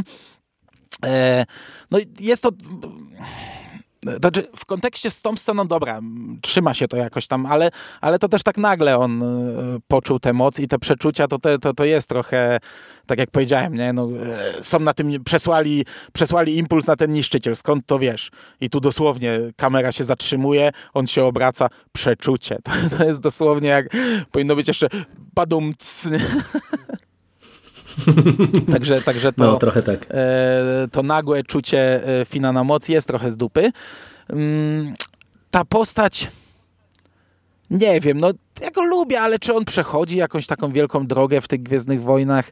W, w siódmym epizodzie zmienia się, w ósmym dojrzewa, bo tak jak ja tam podkreślałem, to, to, to jest dzieciak wyjęty z innego świata, który całe życie e, spędził w kuble na głowie, a teraz nagle odkrywa trochę emocje, także sobie z nimi nie radzi, także ja, ja to tak kupowałem to jego rozdarcie, że on tu jest zakochany trochę w Rey, tak jakby niby czuje jakieś silne emocje, nawet nie wiem, czy to taka miłość, wiesz, e, romansowa, czy to po prostu tutaj się pojawia Rose, e, teraz mu się pojawia pani szturmowiec, znów się niby na koniec chce poświęcić, bo to jest znów skopiowane z ostatniego Jedi, gdzie e, mhm, tak. na końcu się chciał poświęcić i Rose mu powiedziała te, te, te, ten monolog na tle wybuchającej bramy, nie? Że, że, że kurde, nie pamiętam cytatu, no każdy wie o co chodzi, nie? Teraz tutaj znów się poświęca, znów chce się poświęcić i znów się ostatecznie nie poświęca. Nie wiem, dla mnie to taki jest po prostu taki komediowy bohater. Nie mam, nie mam sprecyzowanych myśli na jego temat. Tak jak o wielu mogę długo mówić, tak o nim tak średnio. No to e, Paul i Finn e, to tyle w tym układzie, to e, powiedzieliśmy, że powrócimy do Lei. Jak Ci się podobało to, jak ona tutaj została przedstawiona, no i, i jak zeszła ze sceny tak naprawdę, jeżeli chodzi o Gwiezdne Wojny, no bo, no bo tutaj żegnamy ostatecznie księżniczkę. No i w tym kontekście też bym Cię od razu chciał zahaczyć o Rose. Rose, której praktycznie biorąc nie ma w tym filmie, bo gdzieś tam już policzono, że ona ma tam z minutę chyba czasu antenowego antenowego, czy, czy minutę 30 sekund czasu antenowego i gdzieś tam twórcy się z kolei bronili, że właśnie y, pomysł na Rose był taki, że ona ma towarzyszyć Lei, no a przez to, że Lei jest mało, no to też Rose jest mało. Jak Ci się podobał wątek e, księżniczki pani generał i, i ewentualnie jak tam się zapatrujesz na kwestię Rose? E, znaczy wiesz co, to od Rose zacznę. Rose jest taką postacią tutaj, która może w książkach e, odegrać jakąś rolę, bo ona zostaje na planecie, żeby analizować e, chyba te niszczyciele, czy coś takiego. To, to pewnie ona odkrywa tam wiele, wiele istotnych rzeczy, które potem są wykorzystywane podczas finałowo, finałowej bitwy. Także w książce to pewnie zostanie w książkach jakieś rozwinięte, a przynajmniej gdyby to był stary kanon i te książki by wychodziły i miały e, faktycznie, w, nie wiem, korespondowały z tym, co widzimy, to bo, bo, bo tutaj Disney na razie jakoś nam cały czas nie chce rozbudowywać tego okresu to by tak było, bo ona przy każdej naradzie gdzieś tam zabiera głos, ale to też jest taka postać jak ten e, Dominik, e, nie pamiętam nazwiska, Monahan, czy... no, ten co grał mhm. w Lost Charlie'ego, ten co grał w, e, we Władcy Pierścieni Merego albo Pipina, który jest po prostu postacią, która przy każdej naradzie ma coś powiedzieć, nie? E, bo, bo on tam mówi o klonowaniu, o, o, o, o tam magii sitów i za każdym razem się odzywa, jak jest, jak jest narada, jak na przykład jest puszczony jak jakiś sygnałów e, na wszystkich częstotliwościach, on go tłumaczy, bo zna ten język oczywiście, to jest taka postać. Nie? No i Rose też tutaj jest właśnie taką postacią, która schodzi z planu i jest tylko, żeby dopowiedzieć niektóre rzeczy. E, może nie aż tak mocno jak ten Dominik, e, ale, ale jest. Natomiast jeśli chodzi o Leję, tu nie było dobrego rozwiązania. Niestety. I, i, I każdy z nas musi się z tym pogodzić. No każdy z nas ma świadomość, w jakiej sytuacji znaleźli się twórcy filmu, filmów i nie było tutaj dobrego rozwiązania. Każde rozwiązanie, jakie byśmy zaserwowali, byłoby złe. Ja zakładałem, że to będą te napisy. Znaczy, no później już wiedzieliśmy, że będą e, archiwalne sceny, ale i tak, wiesz, myślałem, że to będzie... Byłem zaskoczony, jak dużo tego jest. Myślałem, że to będzie scena gdzieś tam na Jawinie, bo ten medal się przewijał. Ten medal w ogóle bez sensu dla mnie w tym filmie jest. No totalnie, to ale to jak no. o, o fanserwisie no, jeszcze też dobra. bym chciał pogadać. E, I myślałem, że to będzie scena, wiesz, po prostu jedna rozmowa Rey z Leją, która tam przyleci, to przytulenie się ich. E, zakładałem, że może Leja powie coś na zasadzie, nie zabijaj go, w nim jest jeszcze dobro, da się go uratować e, i koniec. I to będzie wszystko. A jej jest tu bardzo dużo. I narzeka się trochę na takie, że, że ona jest taką kukłą, że widać to, że ona jest doklejona. Ja ci powiem, że w większości scen tego nie widziałem. W większości scen to gra, i ja się bardzo cieszę, że ona do tego filmu trafiła, nawet jeśli to wpłynęło na inne wątki, tak jak właśnie Po, czy tak jak Rose. Bardzo się cieszę, że ona tu jest. Mówi się, że czemu nie zginęła na mostku w ostatnim Jedi? Że gdy zginął Akbar, gdy zginęło całe dowództwo, mogła ona zginąć i to by było pożegnanie. Ja się z tym totalnie nie zgadzam. To jest dla mnie, to by była dla mnie no nie, z dzisiejszego mhm. punktu widzenia najgorsza decyzja, bo uważam, że od tej sceny Leia ma historię. Paradoksalnie pośmiertnie po śmierci aktorki stworzono jej historię ciekawie w tych nowych epizodach, bo do tego momentu ona była starą generał e, Nowej Republiki, ruchu oporu, która straciła wiele i, i walczy i nic nie zyskuje i koniec. I to jest wszystko, co ona grała do tego momentu. A od tego momentu dowiedzieliśmy się po pierwsze, że jest czuła na moc, bo dla mnie ta scena lotu to jest nadal fajna rzecz. Pomimo tego, że to nadal w kinie wygląda na ekranie trochę tandetnie i można się uśmiechnąć w pierwszej chwili, no to od tego momentu dowiedzieliśmy się, że Leia jest jest czuła na moc. Od tego momentu ona jakoś tam w ostatnim Jedi e, no, wpływała na to przejęcie e, warty, co ostatecznie, jak wiemy, nic nie dało, ale teraz to, co widzimy w Skywalker Odrodzenie, że ona jest mistrzynią Rey, dla mnie to jest super motyw, który właśnie w książkach będzie rozwijany, będzie dopowiadany. Gdy, że ona ją szkoli, że ona jest jej mentorką, dowiadujemy się, że ona miała swój miecz świetlny, czyli to znów takie wzięcie ze starego kanonu rzeczy, ale to jest fajne. Widzimy jej trening z Luke'em, co prawda no, komputerowo zrobiony i się narzeka, że to jak, jak Battlefront wygląda, ale biorąc pod uwagę scenerię, oświetlenie, deszcz, miecz świetlny, ja to kupuję. To, to jest króciutka scena, bardzo fajnie wygląda i cała historia e, Lei, jaka została dopisana po wybuchu wtedy na, na tym ich statku, jest dla mnie e, no, dużo lepsza niż to, co było przed wybuchem, także bardzo się cieszę, że to tak zostało poprowadzone. Dość sprawnie uważam, że to jest wplecione tutaj w fabułę filmu. Te dialogi naprawdę są trzymające się kupy. Sama końcówka jej jest, no, mamy świadomość, że to musiało tak wyglądać. Bo ona nagle wstaje, rzuca te słuchawki, odchodzi, nie wiemy czemu nagle podjęła te decyzje, wszyscy na nią patrzą, maskanata jest wtedy jej ustami, na marginesie maskanata gdzieś słyszałem, że jest robiona tutaj niekomputerowo, że to jest kukiełka. Eee, taka tylko ciekawostka. No, to nie wyglądało na to szczerze mówiąc. A ci powiem, jak spoko. już z tą wiedzą na to patrzałem, to trochę widać, że się tak trochę inaczej rusza ale może, może nie, może to błąd, a ja z kolei dałem się, wiesz, nabrać i, i już, yy, no dobra, nieważne. Yy, Maskanata mówi jej ustami, nie, że wiem, co Leia planuje. Ona połączy się teraz z Benem mocą i wypali całe swoje życie, poświęci się dla syna. To ma sens, yy, patrząc na te wszystkie trzy epizody, no bo tak zginął Luke, yy, wypalając jakby się, no, ro, robiąc to, co robił. Także to jest ogólnie fajna śmierć, tylko że niestety ona nie mogła nam paść z ekranu, bo to, to nie było nagrane, nie? I wtedy widzimy mhm. tą e, leję, e, taką czarną postać, cień taki na tle jasnego światła, e, stojącą tyłem. No i wiemy, mamy tę świadomość, że to nie jest Carrie Fisher, gdy ona się przewraca, widzimy jej rękę, gdy się kładzie, potem jest przykryta, mamy tę świadomość. Wiele rzeczy nam musiało zostać powiedziane z ekranu, ale to jest, kurde, fajny motyw dla mnie, nie? Wiesz, gdyby była możliwość nagrania tego, to by wypadło lepiej, no niestety, no, no ale y, tu trzeba inaczej do tego podejść, no nie można krytykować tego, że oj, po co to zrobili, to wygląda do dupy, nie? No, no, no nie, nie było innej możliwości, nie? To musi tak wyglądać.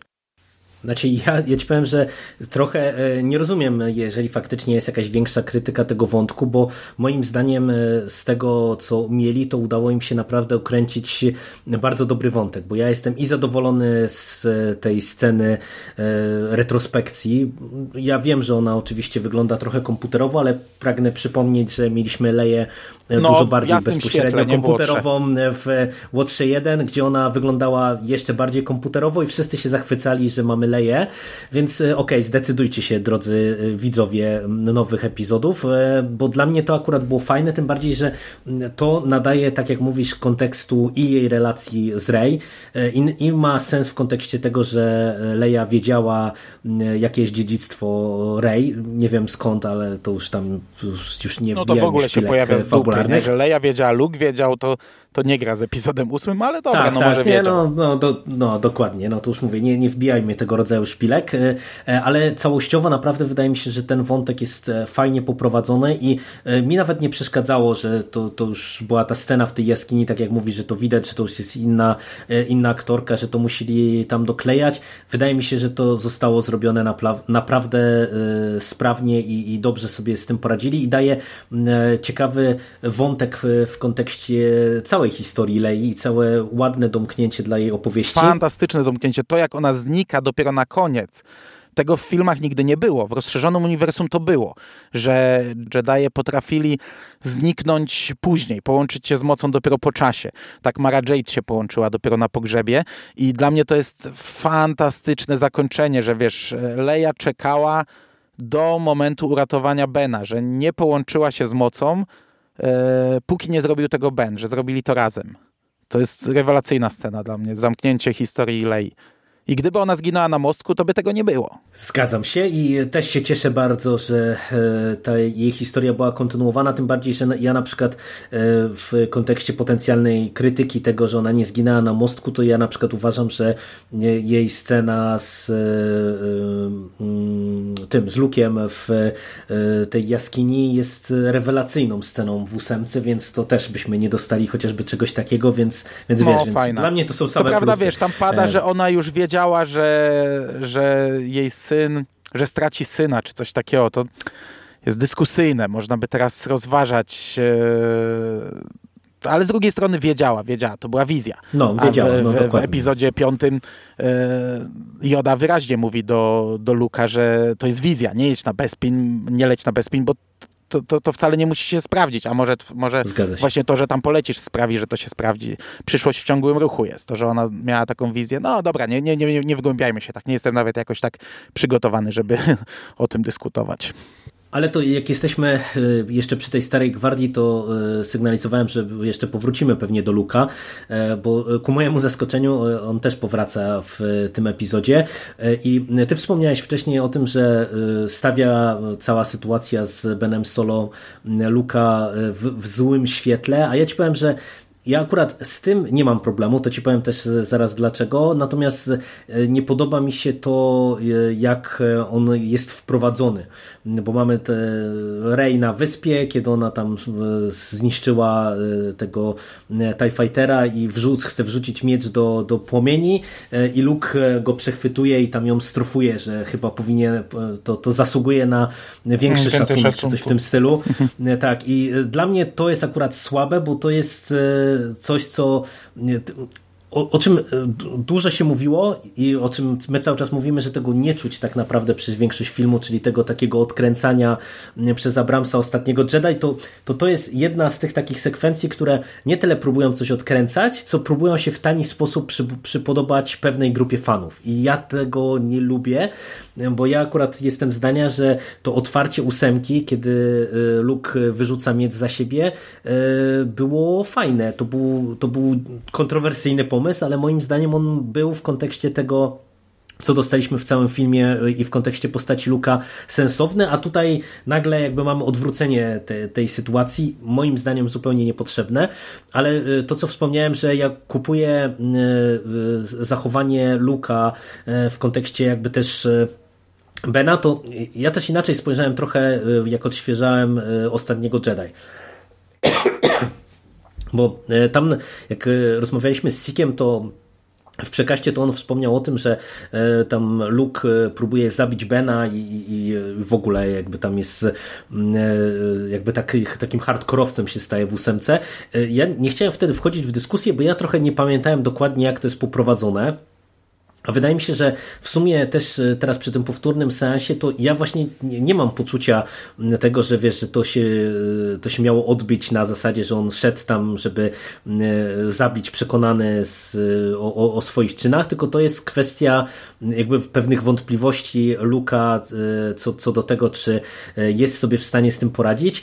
I ja to kupuję, bo dla mnie postać Luka i to, co ja chwaliłem w kontekście budowy i kreacji całej postaci postaci, całej historii postaci Luka w ósemce, to tutaj też niejako jest e, pociągnięte e, dalej, że wiesz, że mimo e, mimo tego, że on jakby stał się mistrzem, no to on nie był wszechmocny, nie był jakimś, nie był jakąś alfą i omegą, tylko no był też człowiekiem pełnym wątpliwości.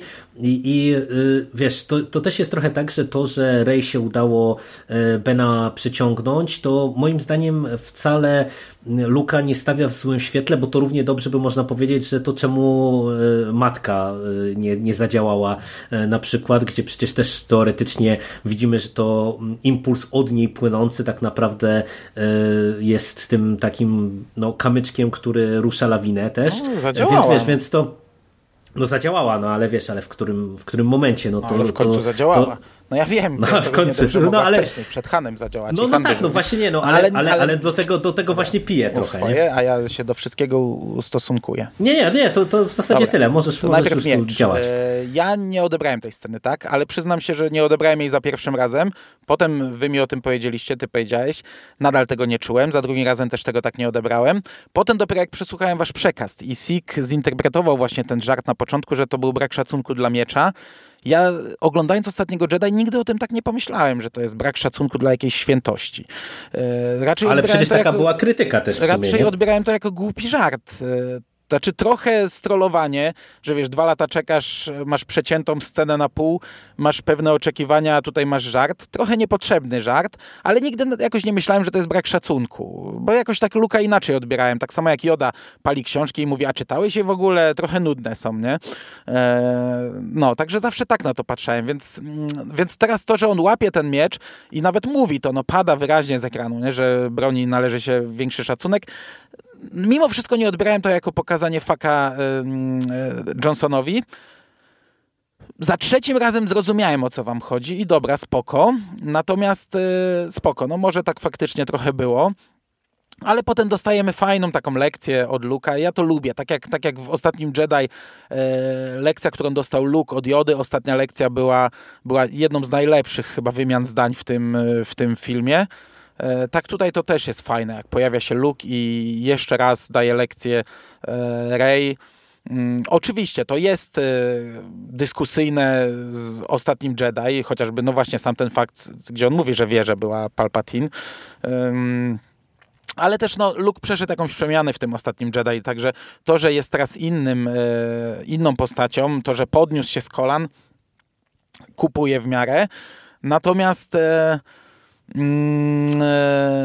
kwestia Bena, no ja niestety uważam, że to jest trochę skopane, ponieważ Luke był tym tym Jedi nad Jediami. No ja wiem, że on potem e, miał wątpliwości, ale w Starej Nadziei to był ktoś, kto odrzucił miecz, kto powiedział, E, nie, że nie zabije Vadera, że jest Jedi, tak jak kiedyś jego ojciec. To jest ktoś, kto przeciwstawił się im wszystkim, a to, że potem on się potknął, to, że potem on się poddał, ja to kupuję. Uważam, że to było fajnie pokazane w ostatnim Jedi, e, że, że on się stał tym pustelnikiem, który mm, na starość e, no, zrozumiał inaczej wiele rzeczy i widzi prawdę w wielu rzeczach inną i trochę się poddał. Ja to kupuję. Ale potem przychodzi Joda i, i, mu daje tą ostatnią lekcję, stuka go w głowę tą laską, mówi mu o tym, że porażka jednym z największych nauczycieli jest, że każdy z nas ma wyciągnąć wnioski z porażki i Luke się podnosi, na sam koniec zostaje jeszcze raz tym wielkim Jedi, ale teraz w kontekście, wiesz, wtedy ja zakładałem, że Kylo Ren jest stracony. E, co już wtedy trochę mi się wydawało dziwne, bo skoro Vader był do uratowania, to czemu Kylo Ren jest stracony? Ale teraz, gdy patrzę z tego punktu widzenia, dla mnie Luke jest e, jedną z gorszych postaci całej nowej trylogii, bo Han Solo zginął próbując ratować syna. E, Leia poświęciła się próbując ratować syna. Rey zużyła połowę swojej mocy ratując Bena Solo, A Luke Skywalker, gdy wstał z kolan, nie pomyślał o tym, żeby iść ratować e, Bena Solo, pomimo tego, że teoretycznie troszeczkę on odpowiada za stworzenie jego, chociaż to, za to wszystko sznurki pociągał Snoke, a za Snoke'a Palpatine. No ale to on był tą iskierką, która przyczyniła się do stworzenia e, Kylo Rena. Kylo Ren był jego błędem, a on nie, nie, nie poszedł na krajt, by go ratować, by się poświęcić, by, nie wiem, by spróbować, by wyciągnąć rękę do tego straconego człowieka i, i tak jak inni, polec może przy tym, ale wiesz, ale polec próbując. On poszedł sobie z niego robić żarty, schylać się pod jego mieczem, e, mówić mu różne głupie teksty, że, że, że, że tam, nie wiem, się myli, że to, że tamto, że tutaj nie ma ani słowa prawdy, trochę się z nim podroczyć, e, ten, ten, ten Kylo Ren się tam wkurza i jest taki zły, no i sobie Luke znika i koniec. Nie, nie, nie, nie podjął żadnej, żadnej próby wyciągnięcia do niego ręki, uratowania go. I ostatecznie w tym świetle, gdzie okazało się, że e, jeśli wyciągniesz 10 razy, 100 razy do niego rękę, uratujesz go. I uratowali go. I Han uratował go po śmierci. Samo wspomnienie o Hanie uratowało go. Leja się poddała, Leja nie poddała, Leja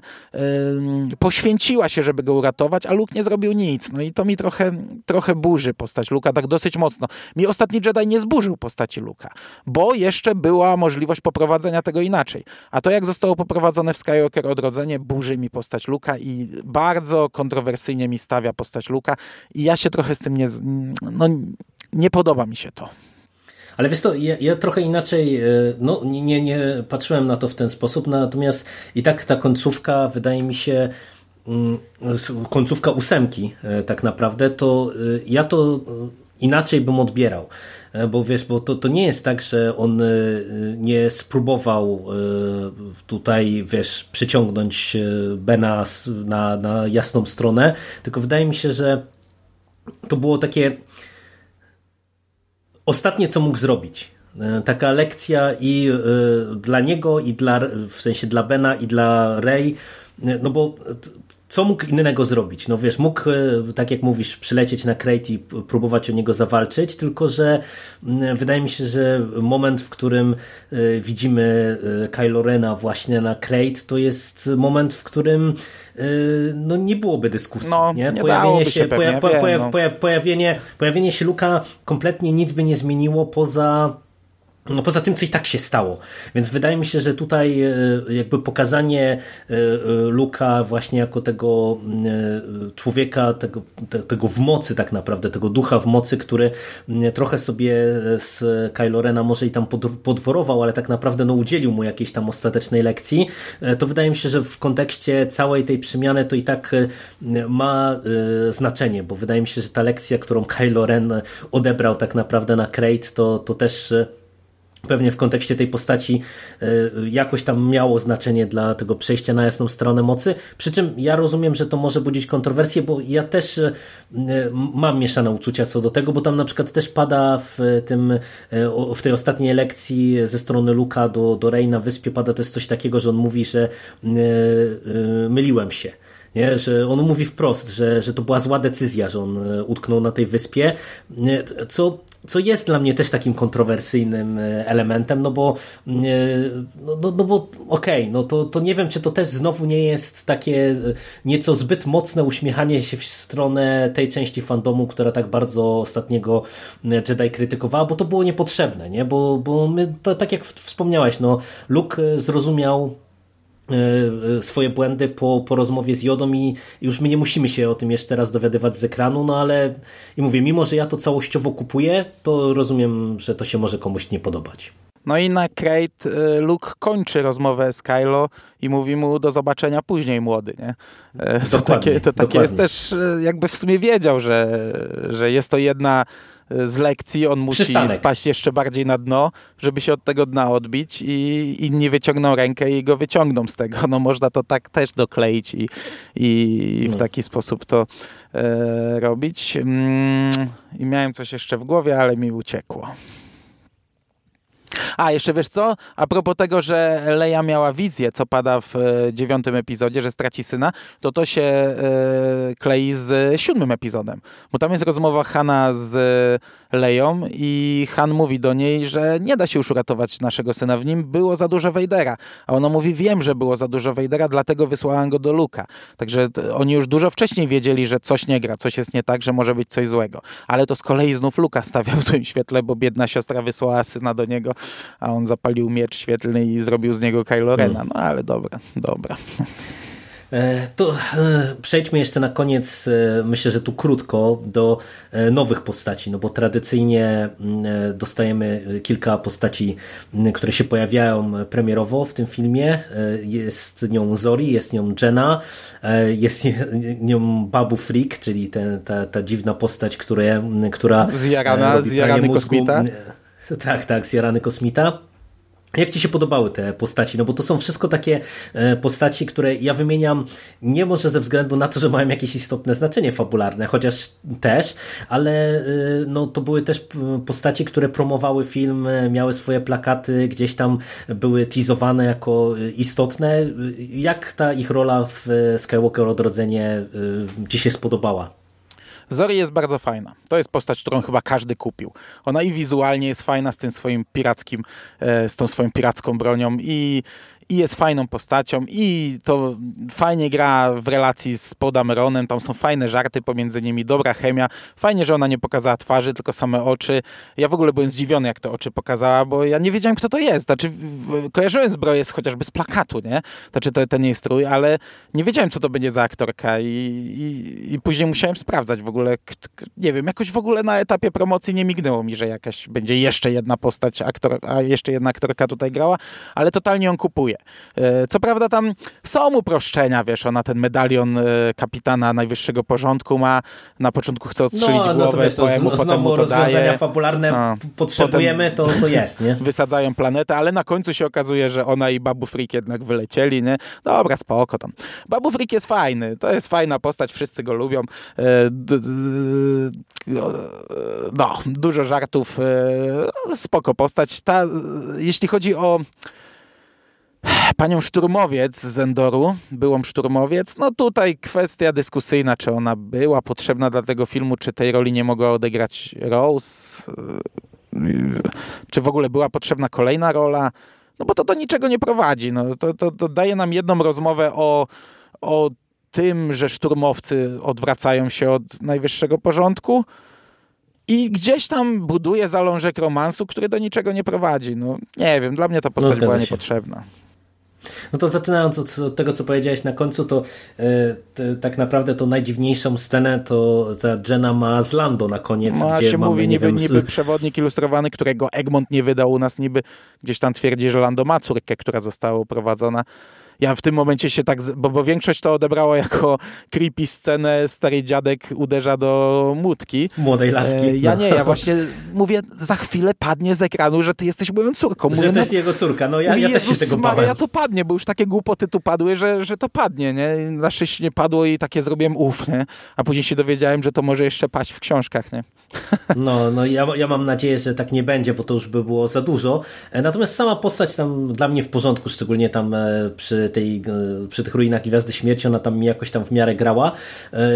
Zori jest super i przede wszystkim to naprawdę bym chciał podkreślić, że ta chemia pomiędzy nią, nią a Podameronem to jest rewelacyjna, bo to jest mhm. moim zdaniem najlepszy żart w filmie, kiedy jakby te postacie się rozstają i jest ta taka bezsłowna wymiana spojrzeń e, to jest po prostu tak doskonałe, tak świetnie zagrane i, i, i tak perfekcyjnie puentujące, puentujące relacje tych postaci, którą nam tutaj zarysowano, że to jest po prostu coś pięknego, także, także fajna postać, no Babu, Babu Flick e, spoko, e, tym bardziej, że no to mamy element ten humorystyczny i w sumie no, o tych postaciach za wiele nie powiemy, to jeszcze o, o, ten humor bym cię chciał zapytać, bo w sumie tego humoru mam wrażenie, że było wyjątkowo dużo, jak na film, który mhm. Mm, kończy nam 40-letnią e, ponad e, sagę Skywalkerów i który no, z założenia był dosyć mrocznym i poważnym i no, zaczyna się mroczno i poważnie, żeby szybko e, przejść w całą galopadę żartów i, i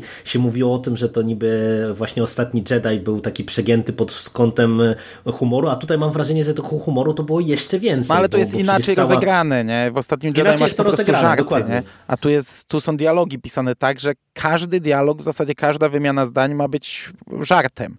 Jedna postać mówi coś do drugiej, druga odpowiada puentą dowcipu, nie? Więc to jest tak pisane. Ja się bawiłem przednio, chociaż to jest żart jednorazowy, mam wrażenie. Mm.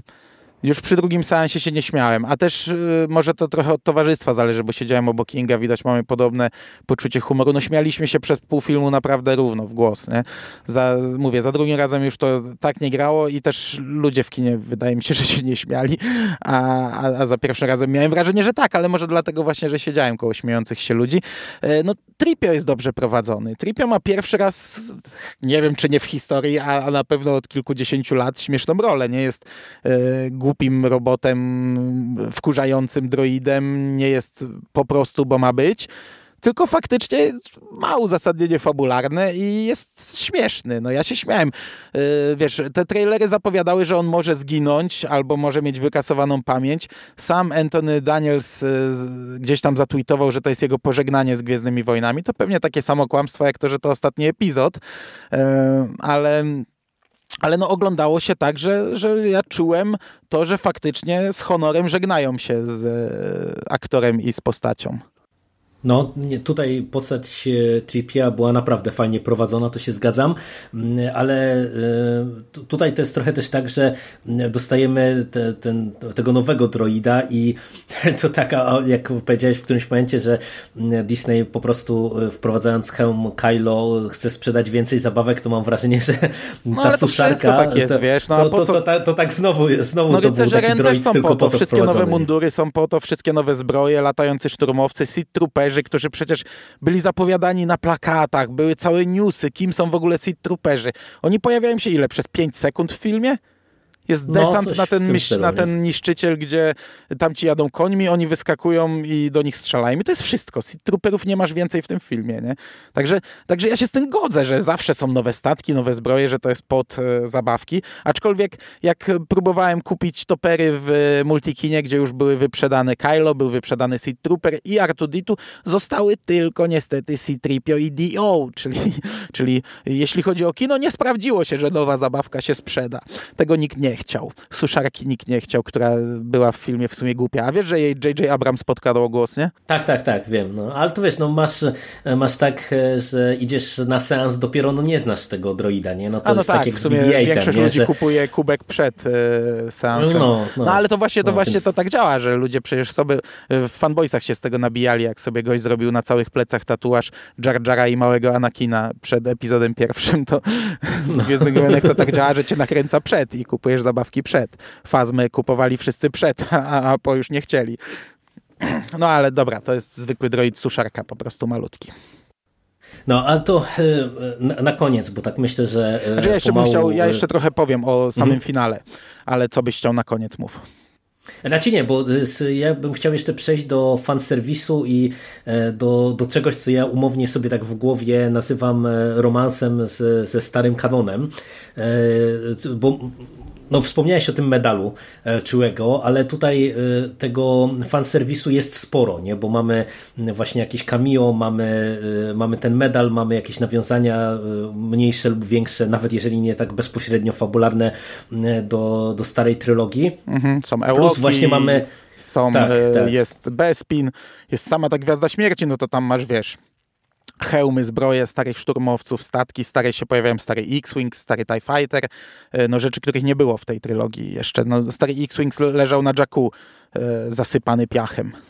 No, ale przede wszystkim też y, jest właśnie kwestia y, tego klonowania, y, tego motywu tych zewnętrznych rubieży i planety Sithów, które no chyba do tej pory, no to zewnętrzne rubieże one były już tam w, w, jako istotny element fabularny, no ale ta planeta Sithów to chyba też jakby pie, pierwszy raz się pojawiała, wydaje mi się, w nowym kanonie i to są takie elementy, które raczej były kojarzone do tej pory ze starym kanonem, nie? No bo to wszyscy się trochę jak e, pojawiła się informacja mm, o tym, że Imperator wraca, że no to zaraz dostaniemy stado klonów Imperatora, jak właśnie w starym kanonie. E, Jak ty jako właśnie ten stary fan, bo ja e, ze starym kanonem miałem bardzo niewiele do czynienia, tym rozszerzonym starym uniwersum, Jak ty się czułeś właśnie z e, tym fanserwisem i z tymi elementami takimi wyciągniętymi z tych starych no już legend obecnie, no bo tam no, sama Leia i jako wojowniczka Jedi z mieczem, no to też już wspomniałeś o tym, że to też jest przecież element właśnie wyciągnięty gdzieś tam ze starego kanonu. To by się to podobało, trafiało to do ciebie, czy to myślisz, że to niepotrzebne, dodatkowe takie uśmiechy do, do najwierniejszych fanów? Trafiało, wiesz co, fanserwis, ja nie uważam, żeby tego aż tak dużo tutaj było i dla mnie to było spoko. Przed, przed samym seansem się nasłuchałem, że to nostalgia, porn, yy, nie odczułem tak tego. Wiesz, odbierając ten film jako takie gwiezdnowojenne endgame, bo to trochę tak było, żeby wrzucić yy, w każdą postać, jaką się da jeszcze wrzucić, a nawet takie, jakich wydawałoby się, że się nie da, jak Han Solo, to dla mnie to wszystko było spoko. Fajnie, że tam pojawiły się takie elementy, właśnie Gwiazda Śmierci, te rzeczy. No, dla mnie to spoko grało. Nawet te Iłoki na koniec też fajna rzecz. E, natomiast e, to korespondowanie ze starym kanonem E, ja zazwyczaj to odbierałem fajnie, z uśmiechem na ustach. Wiesz, taki solo też był cały napakowany takimi rzeczami, które zrozumieją tylko ludzie, którzy czytali książki gdzieś tam naprawdę z czeluści e, legend. I, I to był plus, nie? To, to, to się traktowało jako plus. No, epizod trochę inaczej odbieramy.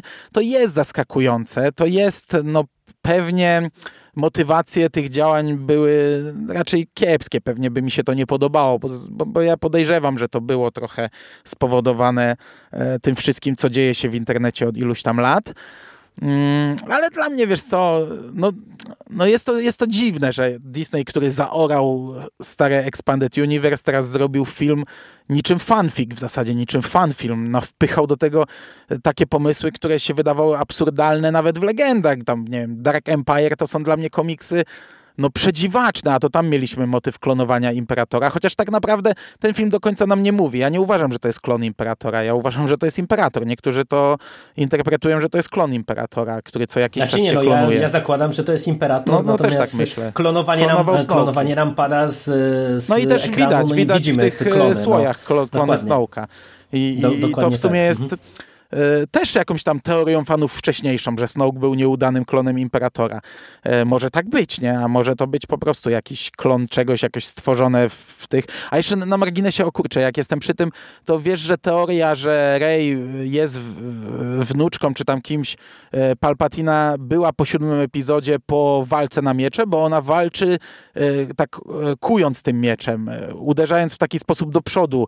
Ja, ja to interpretowałem, że po prostu, wiesz, kobieta, która pierwsza pierwszy raz trzyma miecz świetlny w ręku, e, w taki sposób walczy, a tak, tak walczył Palpatine e, w końcówce epizodu trzeciego.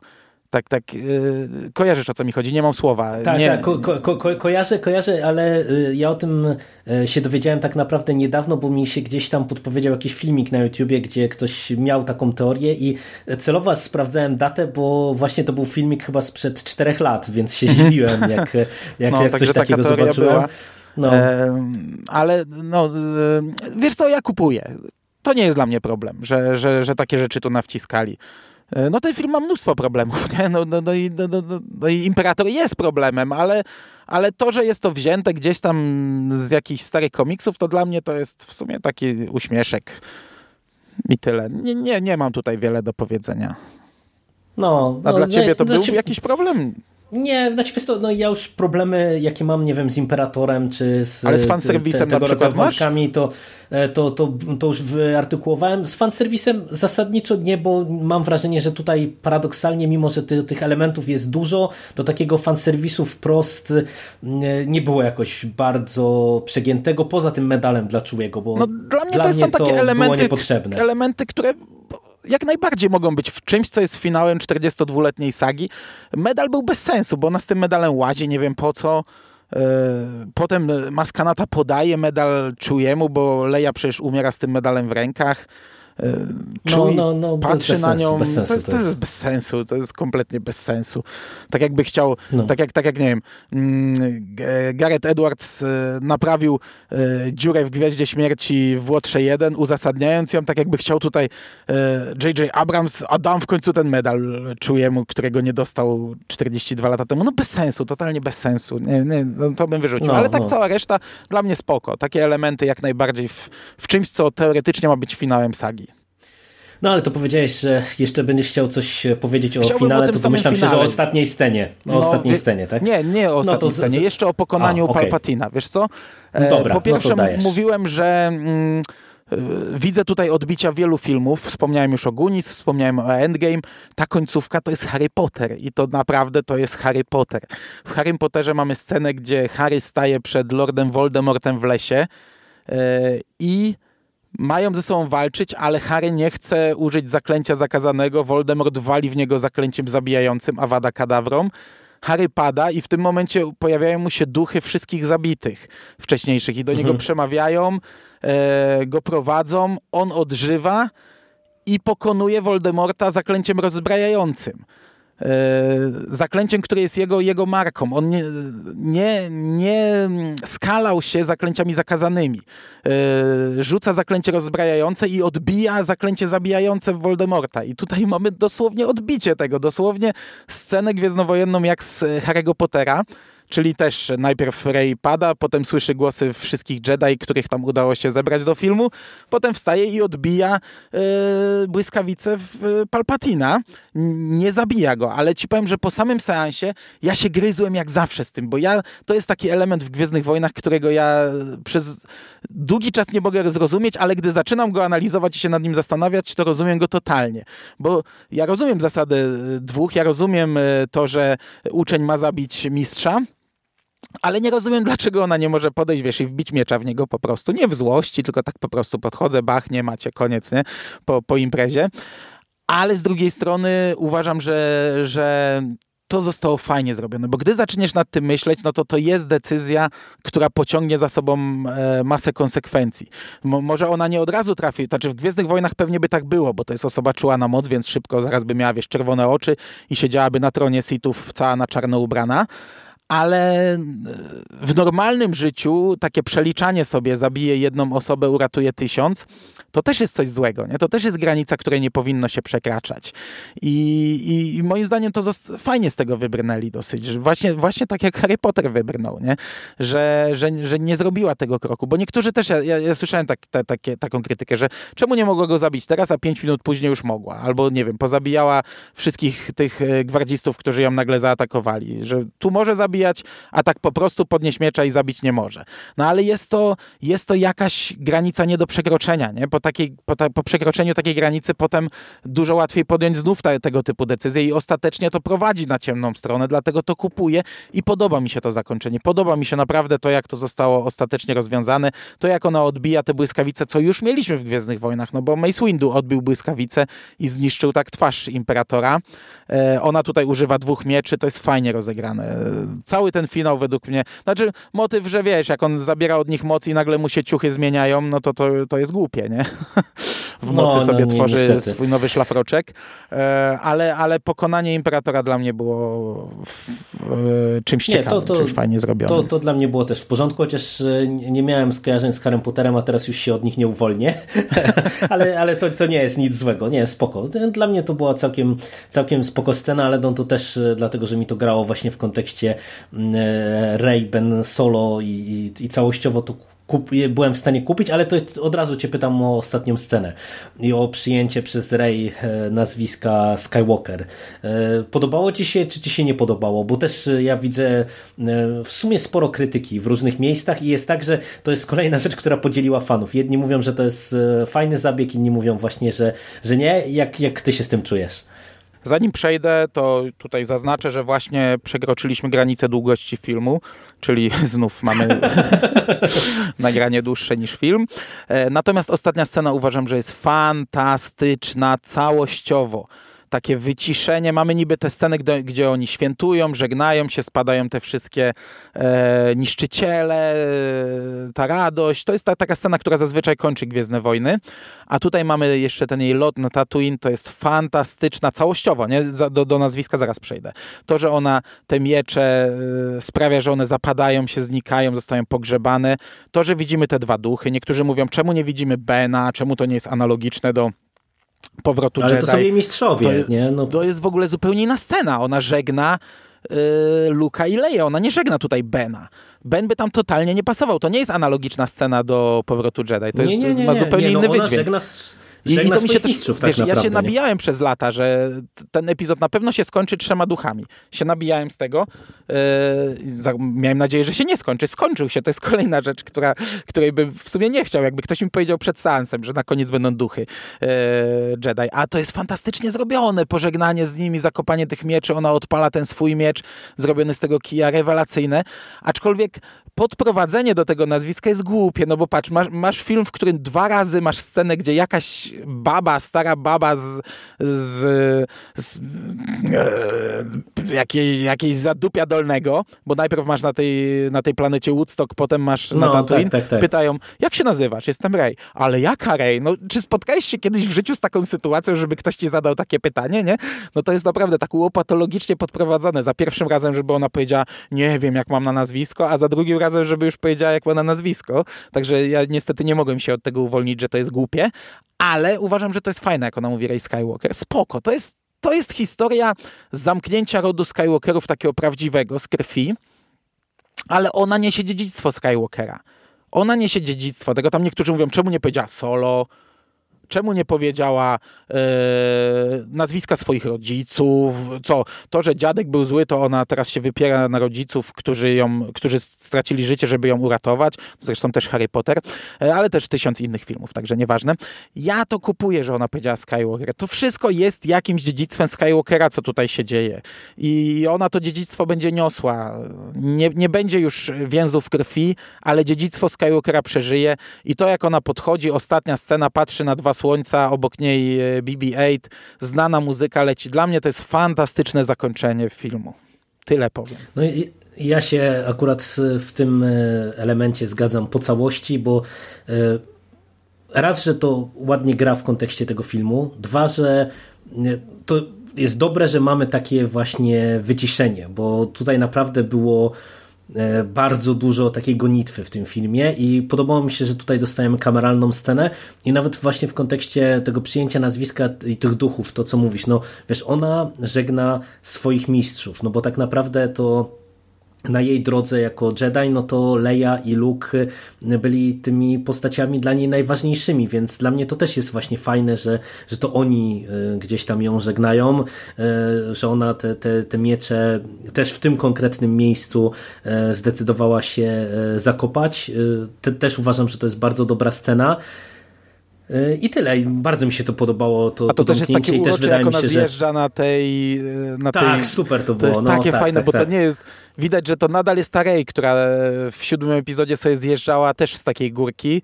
To nie jest taka teraz poważna Jedi, tylko to jest nadal w, tutaj w tych krótkich spodenkach do kolan Zresztą, sobie no, na- siądzie i zjeżdża. Nawet nie? wiesz, nawet to, to, że ma ten miecz też zrobiony z tego swojego kija, nie? To też pokazuje, że ona jakby charakteru y, nie zatraciła, nie? Zmieniając A to w ogóle może być trochę, fajne, czy- bo to do- wygląda trochę nie? na miecz taki jak Darth Maul, na dwu, Tak, tak, tak. dwustronny, czyli ja może powiem- gdzieś tam ta, ja- ja- ten fragment tej mrocznej Rey, która jej się pojawiła w sali tronowej, może gdzieś tam troszeczkę w niej jest. Znaczy pogodziła No ja to szczerze mówiąc to byłem świe- święcie przekonany, że ona odpali, że będzie podwójny, nie? Ale, ale spoko, no i, I tak, żółty to, kolor. i tak to fajnie w wygląda. filmach chyba nie było jeszcze. Znaczy może na Geonosis gdzieś tam mignął żółty miecz, ale tak to żaden bohater chyba nie miał jeszcze żółtego miecza, taki No, fajnie. e, gdzieś tam z pierwszego, drugiego planu. Fajnie, fajnie to naprawdę wygląda.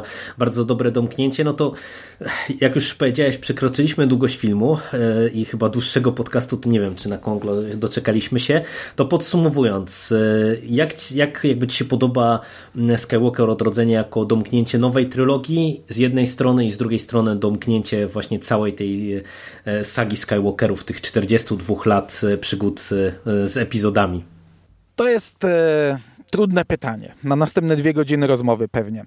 Bo ogólnie ja nie uważam, żeby to były jakoś szalenie dobre filmy, te, te nowe epizody.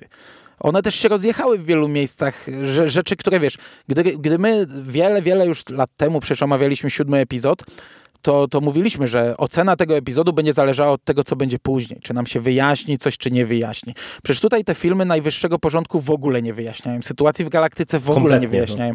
Ostatni, w ostatnim epizodzie najwyższy porządek jest, jest kpiną, jest jaki, to jest jakiś cień. To jest w ogóle i od razu się wprowadza... Nie, no, imper, imperator żart z nich w zasadzie no, robi. Ostateczny nie? porządek okazuje się, że oni są nikim, ten, ten, ten e, First Order.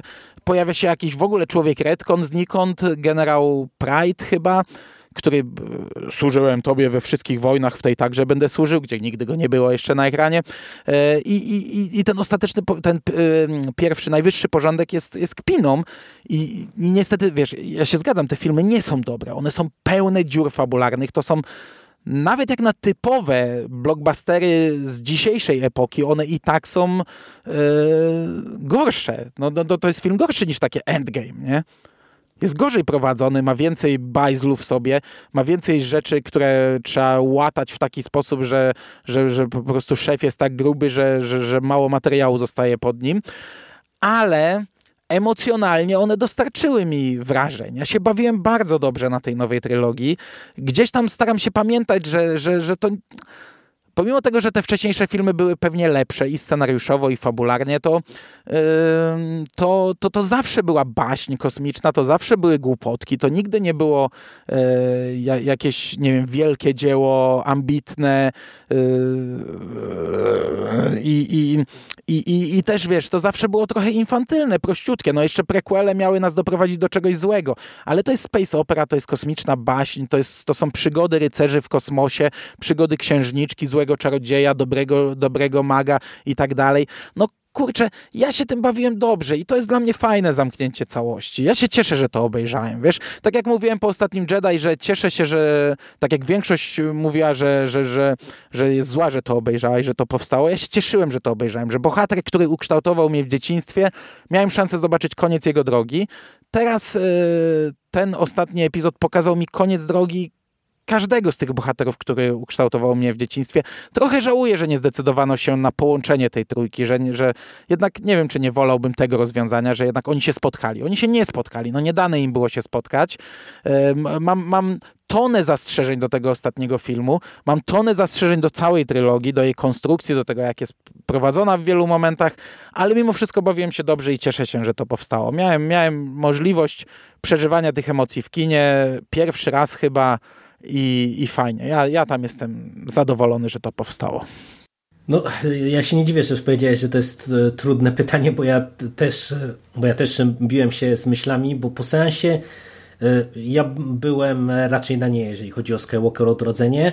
E, przy drugim sensie, gdzie byłem z dzieciakami, bo stwierdziłem, że też dla nich pierwsze Gwiezdne Wojny w kinie, to niech, niech będą pamiętali, że byli jeszcze na starych epizodach, e, to dużo bardziej mi się to, ten film podobał i mimo tego, że tak jak widzieliście, czy raczej słyszeliście, drodzy słuchacze, jak bardzo się pastwiliśmy nad tym filmem pod kątem fabularnym i wieloma rozwiązaniami przez pierwsze chyba półtorej godziny tego nagrania, to ja całościowo mimo wszystko y, y, bawiłem się dobrze i y, w kontekście tego, co powiedziałem przy Mandalorianinie, to, to mogę teraz to rozwinąć, że właśnie to, co mi się najbardziej spodobało w kontekście Skywalkera Odrodzenie, to to, że mimo wszystkich idiotyzmów fabularnych, to nie, nie, zapomniano o tych głównych postaciach i e, te wątki głównych postaci, i to mam na myśli tutaj i Starą Gwardię, e, i e, Bena, i Rey, nawet Paul Damerona, to były postacie, które zostały suma summarum fajnie poprowadzone. W przypadku Starej Gwardii doczekaliśmy się końca ich opowieści, i to jest dla mnie taki największy plus tej nowej trylogii, no bo przy okazji y, y, powstawania w ogóle planów na nową trylogię, to przecież ile było gadania, że wystarczyło, nie wiem, taką trylogię Trona zekranizować i, i, i, i nie, czy no cokolwiek innego ze starego kanonu. Tak, no cały czas to są bzdury i wiesz, dla mnie jest właśnie fajne to, że e, ta stara ekipa jest tylko takim dodatkiem, że te postaci się pojawiają, że mamy okazję je zobaczyć na ekranie, mamy okazję zobaczyć ich po latach, co też jest właśnie dla mnie cenne, że no, wiesz w jakich czasach my żyjemy, że jednak starość cały czas niby nie jest tematem tabu, a jakoś tej starości na ekranie za bardzo się nie pokazuje, a tutaj podobało mi się to, że dostajemy tych bohaterów starych, zmęczonych życiem, popełniających błędy, mm, e, no trochę odległych od tego, co można by było sobie wyobrażać, ale to było, to było fajne. Mhm. I podobało mi się, że na tym tle też właśnie wprowadzono postaci nowe, które no czy, czy zawładną e, sercami e, milionów ludzi na całym świecie, to się jeszcze pewnie okaże, bo myślę, że mimo krytyki tych epizodów, to myślę, że czy Rey, czy, czy Kylo Ren e, to będą postaci, które gdzieś tam będą przez fanów przez lata wspominane. I suma summarum też ja uważam, że naprawdę historia tych postaci moim zdaniem była całkiem nieźle poprowadzona. I mimo naprawdę całej tony wad, którą ja widzę w tym filmie, bo, bo fabularnie to jest dziura na dziurze i, i głupota na no. głupocie momentami. I to naprawdę trudno jest e, znaleźć odpowiednią ilość kleju i taśmy, żeby to wszystko e, e, poskleić, posklejać do kupy to właśnie te postaci, które e, polubiłem e, wiesz, te lata, lata temu i te, które teraz e, mi tutaj przedstawiono i które poznałem też dzięki komiksom i, i książkom jakoś tam lepiej, to, to całościowo uważam, że to, to też dało mi jakieś określone emocje, fajne emocje w kinie. Nie? I też z tej perspektywy to się cieszę, że, że to tak zostało domknięte. Mogło być to domknięte dużo lepiej. Widać niestety moim zdaniem to, że nie do końca był plan na, na trylogię.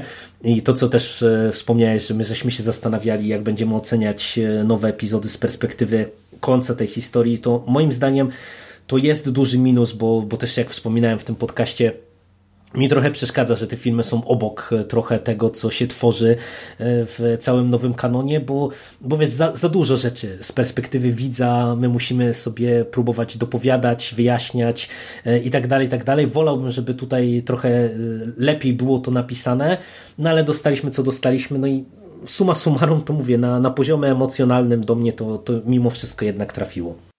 No ale na przykład ja sobie nie wyobrażam teraz e, takiego ciągnięcia w książkach e, bezpośrednio po. Te filmy zostawiają tak galaktykę w takim chaosie, no bo niby wygrali dobrze, ale nie ma żadnego dowództwa, nie ma nikogo, nie ma żadnych polityków, nie ma połowy wojska, większości wojska. I to jak wygląda tutaj awans, no to widzimy jak wygląda, nie? Od teraz ty będziesz generałem. Ej, ale ja se sam nie poradzę, ty też bądź generałem. I co prawda dostajemy fajny żart, nie? Generale, generale, ale, ale, ale no jeśli tak ma wyglądać tutaj teraz struktura dowodzenia, ja tego nie widzę, dlatego ja się z jednej strony, znaczy bardzo się cieszę, że nikt nie zginął z tych yy, głównych bohaterów. To było coś, co przed filmem najbardziej się obawiałem, żeby, żeby nie poszli tym tropem, którym teraz idą e, filmowcy, czyli podwyższenie stawki przez śmierć.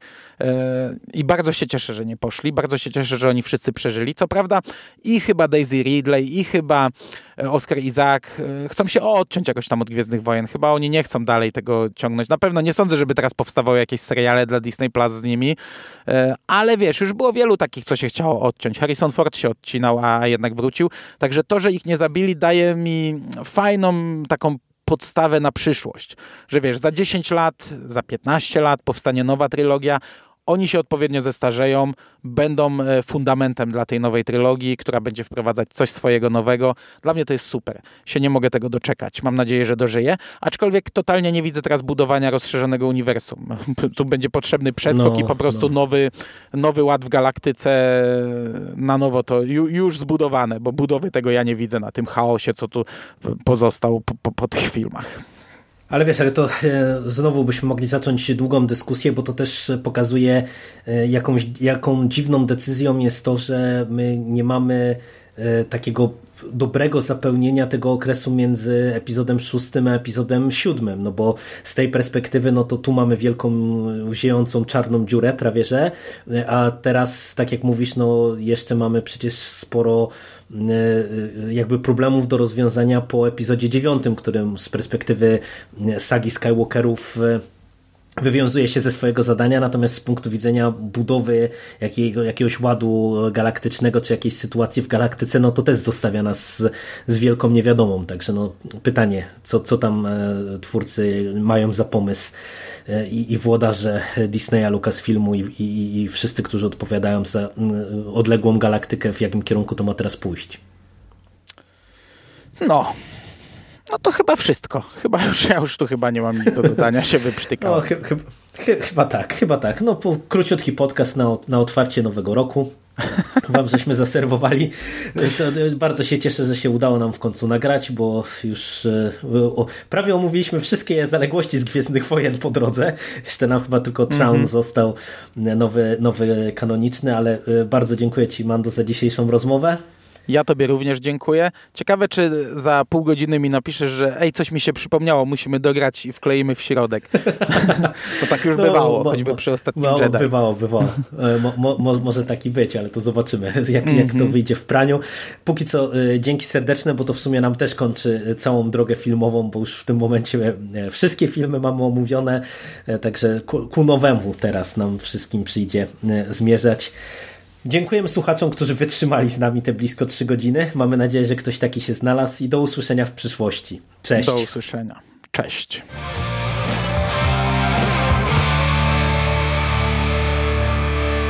You finished? That's it, man. Game over, man. It's game over. What the fuck are we gonna do now? What are we gonna do? It's over. Nothing is over! Nothing! You just don't turn it off!